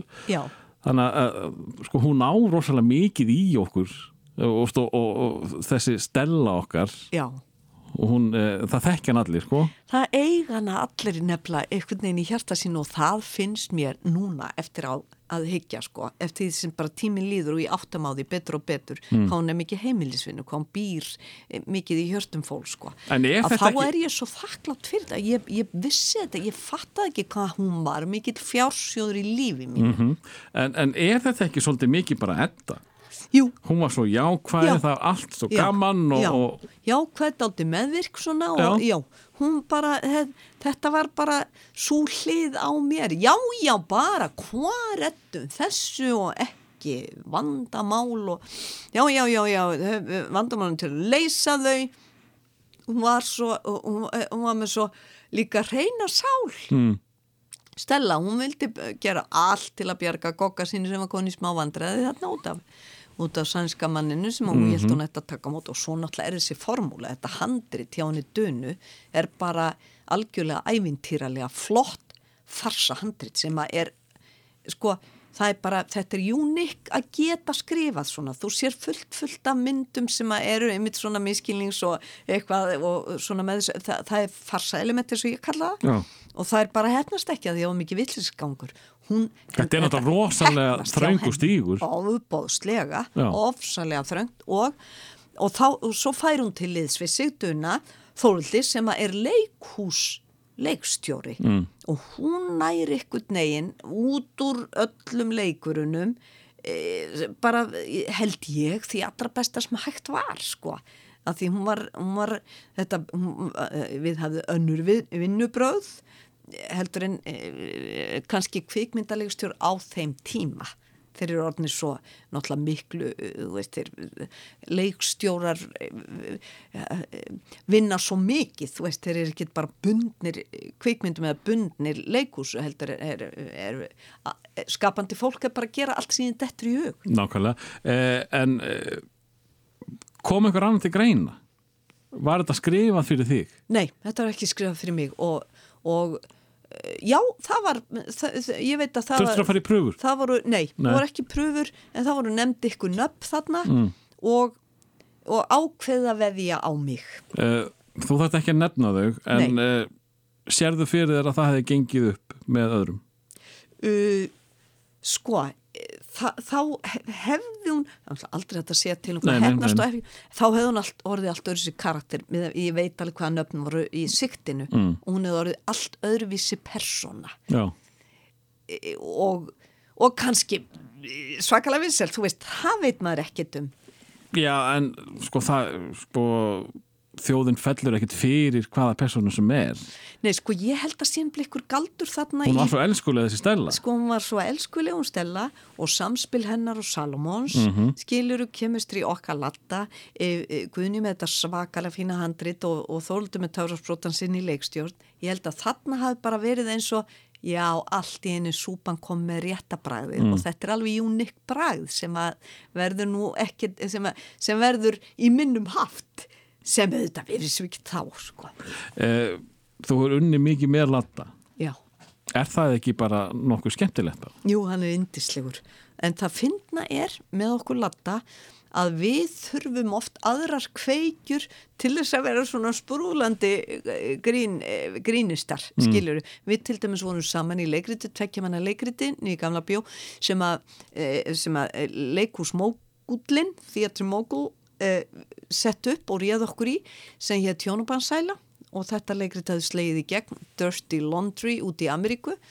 Og við og mér er minnistættið mitt að sko að það kom að, bæði síningarstjónum svo fyndi, nei hér sittir þið bara ofslega róleg.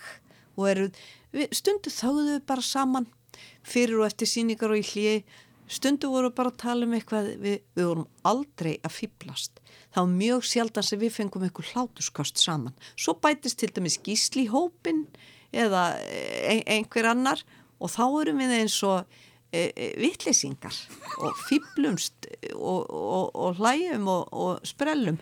En við latturum bæði eigum til þessa ofsalega rólugu hlið sem að nýtur sín bara mjög vel þegar við erum, við erum tvö saman. Já, getið þið bara, þú veist, uh, ég, sko, ég veit ekki hvort þetta sem móðgun að segja sprelli fólk Já, Eh, nei, nei, nei, nei. En getið þið sem sagt uh, þetta sprelli fólk Já. bara alveg slögt á okkur og verið bara sælar, hvernig erstu í dag? Einmitt, og það er Þurfa ekkert að það fýblast það er svolítið grunnurinn okkar Já. nefla það er bara eins og Latti sem hann talar um feimna sína. Hann er bara ekki sérfram trönulega manneski eins og, eins og auður mm. Sveinsdóttir Lagsnes lísti svo skemmtilega afskaplega sérfram trönulegur maður sagðan um einn ákveðin kvikmyndalegstjóra sem ég nefn ekki á nafn. Og, og, sko, og hann er það ekki. Hann er, hann er ekki hann þarf aldrei hafa aðteglun og, og myndi helst ekki vilja það.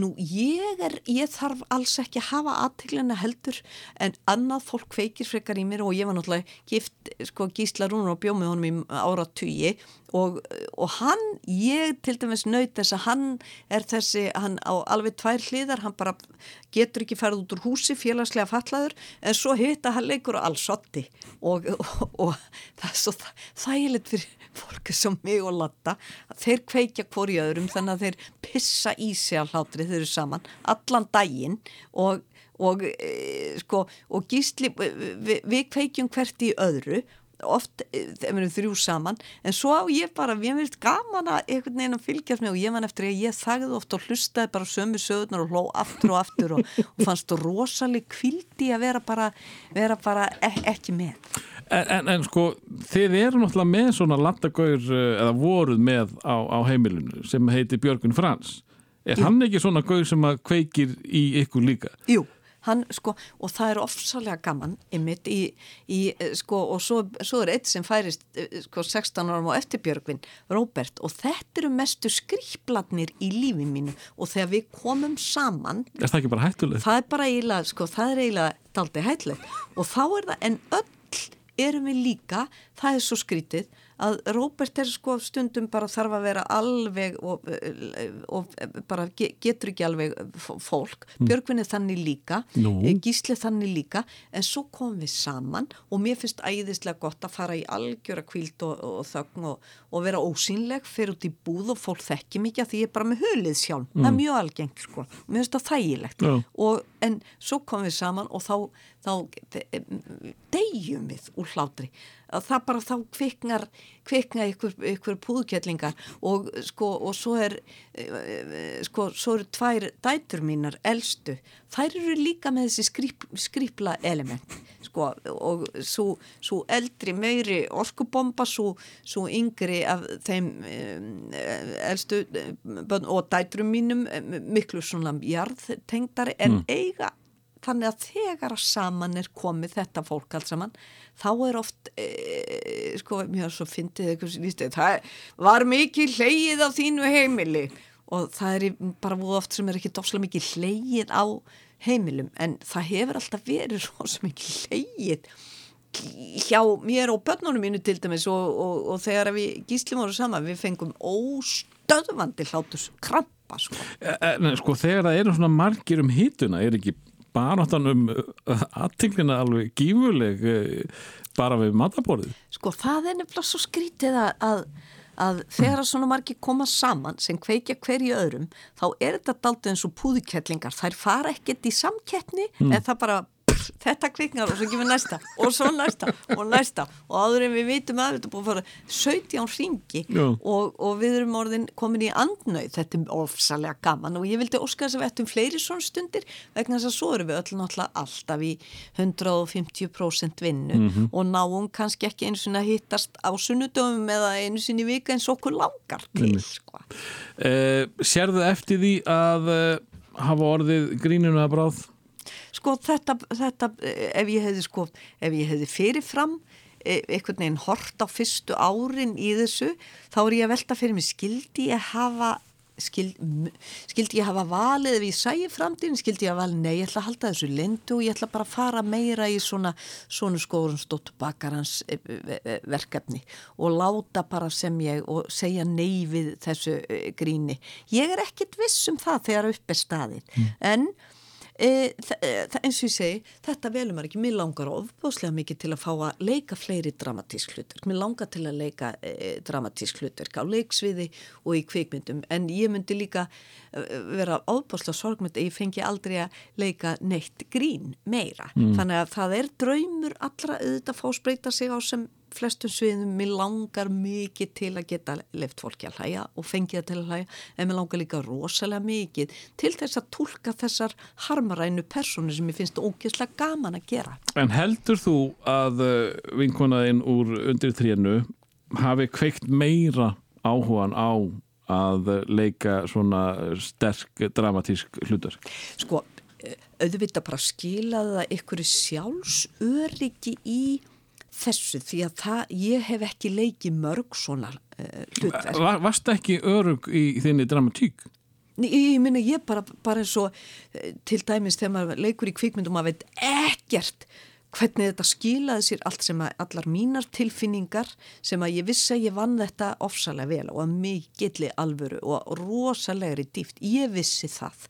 Ég vissi alveg hvað, hvað, hvert ég þurfti að fara í tilfinningabankunum að það var óbúslega sásökafyllt og ofsalega erfitt. Ég hafði ekki hugmynd um hvort það myndi skila sér. Það gætt alveg verið að, og ég var óttaðist það mest af öllu, að það myndi vera fjallaði myndir á megum við þá byggjum hún haldir þér bara við skrýpa hérlinguna. Það var bara, það var harmurinn og kvíðin og ég var bara, Veistu hvað, mér fannst merkilegast uh, við þig í myndinni þegar ég sá hana að, uh, jú, þetta er uh, sko kona í, í sárum og, og, og, og svona erfitt hlutverk. Mér fannst þú ná að losa þig við þokkandinn finnst þér ég að hafa þokka? í gífurlega Ó, mikil þokka var ástin mín en, þarna var fannst fallega mér þú eiginlega bara vera þokkalauðs Alveg, sko, þetta var ræðilega það- ófrínileg kona bara einhvern veginn í harmi sínum og, og drykju og, og, og neikvæðni. Já, en, en, en er það ekki einhvers konar snilliga á að geta slögt á þokkanum? Já, sko, þetta Ha? er bara, veistu að þú ert náttúrulega bara hér að færa mig stórgjöf, skiluru, vegna þess að ég var einmitt að ræða við hennar lollu mín um daginn og ég var að segja, sko, við erum fjóra leikkonur sem ég, ég, ég elska okkur mikið okkar sam, samskipti og samvinnu og við munni saman. Þar á Maja Sig, eh, leikstjórin okkar og sem að var líka stórkostlega leikona Lolla og, og Helga bara, þær hafa, ég var að segja það við henni, ég sagði, hreyfingaminstur ykkar vera svo þokkafullt. Þið eigi bara, þið voru alveg auðvelt með að vera til dæmis kynþokkafullar. Þið eru með svo sko grasjus eins og mamma kallaði alltaf svo, svo einhvern veginn ofubóslega fallega hreyfingar. Og ég hrifst svo af því að því mér finnst ég svo mikið ganga hókin eins og ég sé með hjólburur alltaf og í þúfum þess vegna bara, veistu að Doddi, þetta ætla ég að varðveita svo mikið að ég ætla að finna þennan þátt og ég, þegar að eh, hann er búið að senda hann út, ég ætla að klippa þetta sérstaklega út þetta að þú, þú varst ekkert þokkafull eins og þú ert vanalega því þetta er stórgjöf bara til mín. Eh, eh, sko, þegar við vorum að ræða saman á netinu árun og komst þá sendur mér svona eh, smá úrklippubók einhvers konar. Og það, það er eitt sem er svolítið fast eftir í, í haustum á mér það var hérna uh, amma fyrirsæta. Já, ha, það Þú hlýtur nú að taka undir hérna þokkan þar. Sko, na- no no name stúlkan þakkaði fyrir að minna mig á það, Manstu, ég var, það var bara, ég var, ég var mótil fyrir snirtifur, að vísu fór hún mjög nýja leiðir, hún var með, hún var einmitt með konur sem að höfðu, höfðu verið orðið, eh, sko, þekktar fyrir allt annað heldur en að vera ykkur beauty queen, sko, og svo gerði hún okkur beautiful, eh, no name stúlkurnar. Og, og eins og eitt sagði, var stókið no face 1996 og, og það og þá sögð einmitt, þá, þá átti ég orðið þrjú barnaböld sko því ég var no name og þá sögð amma mín er skvísa amma er mótel og það var svolítið fallet það var líka í, í, í svolítið skemmtilegt, það var nokkur stálpuð sem komu á leikritið eh, hérna hjónabarsælu sem við latti líkum mm. og þar fer ég eigin konan er að reyna að spæsa upp hjónabandi og fyrir svona ofsalett korselett og dansa svona daldi pínliti klámfengin dans. Mm. Og þá, þá sagði úlingurinn hallaði sér að mömmu sinni dóttur minni og sagði, bandur bandur mitt og sagði, ég veist amma mín er, hún er cool Erðu, ég, mér langar að ljúka þessu með uh, frekar umulegri spurningu en uh, það er ekkert að því. Við, við erum bara að ræða málin áttu þér eitthvað svona uppáhalds uh, verk, verkefni uh, stykki, hvað sem þið kallið þetta þið leikararnir á, á lífsleiðinni uh, vegna þess að uh, eftir því sem að þú hefur sagt mér svona undir rós eiginlega í þessu spjalli þá er hellingur spennandi framöndan líka Já. þannig að eh, já, svona fyrir, á- fyrir hluta leikfæðinsins áttu þið eitthvað svona uppáhald og þá tel ég með undir trénu líka sko. Já, sko, mér fannst algjörlega dásand að fá að takast á þessi með tvö hlutverk bæði í risaðilónum í þjólikúsinu það sem ég drukna sendi herra fróin, sko. Ertu- óhamingju sama. en ertu, ertu, ertu fyndin Hún er líka nefnilega miljandi fyndin. Það er brjálaðislega mikið hleyið á köplum og svo fær fólk bara tári í augum því þarna er, er þessi skemmtilega blanda, sko. mm, sem að Raki Já. hefur svolítið gaman af rosalega Mhm. og flinkur í og það er náttúrulega mein hæðin húmor líka í undir trénu þó að hann er svo svartur og, og að fólk hlær og skamma sín sko í ákveðnu senum. En ég held að það sem að það var kannski átaka mesta verki mitt held ég, það var einleikur sem að gekk líka sko, við vorum með farsa indislegan sem gekk í þrjú ár þrjú leikár sem að hétt Sexy Sveit og þar eh, ge- gekk nú á ymsu því að á, á þessu tímabili þá til dæmis skildum við gísli við vorum samt að leika saman. Já, þið voru saman í þessu. Ó, góður, já, í borgarleikusinu og svo va- var ég með einleik sem að, sem að heitir alveg briljant skilnaður. Já. og var, var síning sem að stendur hjarta mínu svo nær vegna þess að var, það var á sama tíma. Ég var að gangi í gegnum skilnað og mér fannst, og ég ég veit að þetta var ofbóslega fyndi og mikið hlegið en ég veit líka að það var rosalega mikið gráti og þú heyrir alveg ég kem aftur og aftur inn að þetta. Það er svo stórkoslegt að, að, og til þess er við í þessu fæð það er að hreyfa við fólki. Mm. það er að vekja hugsun og vekja tilfinningar. Og ef þú getur í einu og sama stykkinu bæði hreyft þannig við fólki að það hlær missi stjórna sér hlátri og síðan missir það sér gráti. Og þetta er, þetta er hvort vekja þú veist maður reynir að hlæja eins og maður reynir að gráta ekki fyrir framann annað fólk. Og það er svo sko- gaman að ge, fá að gera þetta. Já, en, en þarna í, í þessu verki e, sko þetta er erfitt mál sérstaklega fyrir þig á þessum tíma. Eh, þarna ertu að láta fólk eh, hlæja og gráta og, og, og þú eiginlega bara stendur nakin upp á sviði algjörlega sko.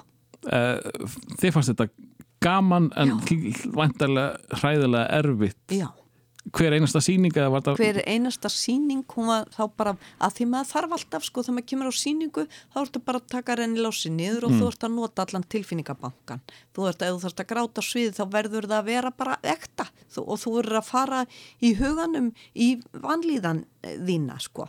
Og þarna var, uh, var uh, allt allt sem að ég hefði verið að glíma við og gangi gegnum þurfti ég að gangi gegnum og glíma við þetta besta þerapi sem er að hugsa sér sko. og það voru sumir eh, sem sögðu mér eh, eftir á konur sem voru á samastáðu ég voru að skilja sem að sem að höfðu ekki þóra að fara kannski voru dregnar og svo að þeir hefðu komið sér óvart hvað mm. gáttu þó hlegi mikið því að þetta væri þetta væri harmaræn tímabill að gangi í gegnum skilna en þær gáttu líka fengið mikla losun við að gráta Eh, ég verð samt að spyrja. Eh, getur þú sagt okkur eitthvað hvað er framöndan hjá þetta Björgvins? eh, Þú talar um einhverja mynd sem er ekki búið að sína Já, það er tvær myndir sem á eftir að síma þess að ég le- leik svona, svona bara lítil hlutverk kem, kem inn í sem er áslega gaman sem var önnu myndin heitir Pitty Lovers og, og hinn myndin heitir Lóð mér að falla. Og svo er ég að fara í, í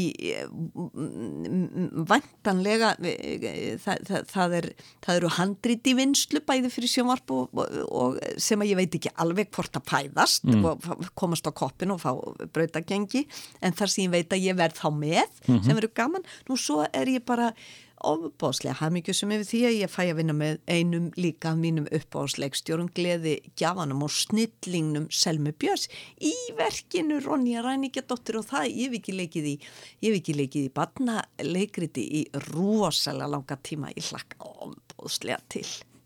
Frábært að fá þig Edda Björgvins, takk fyrir komuna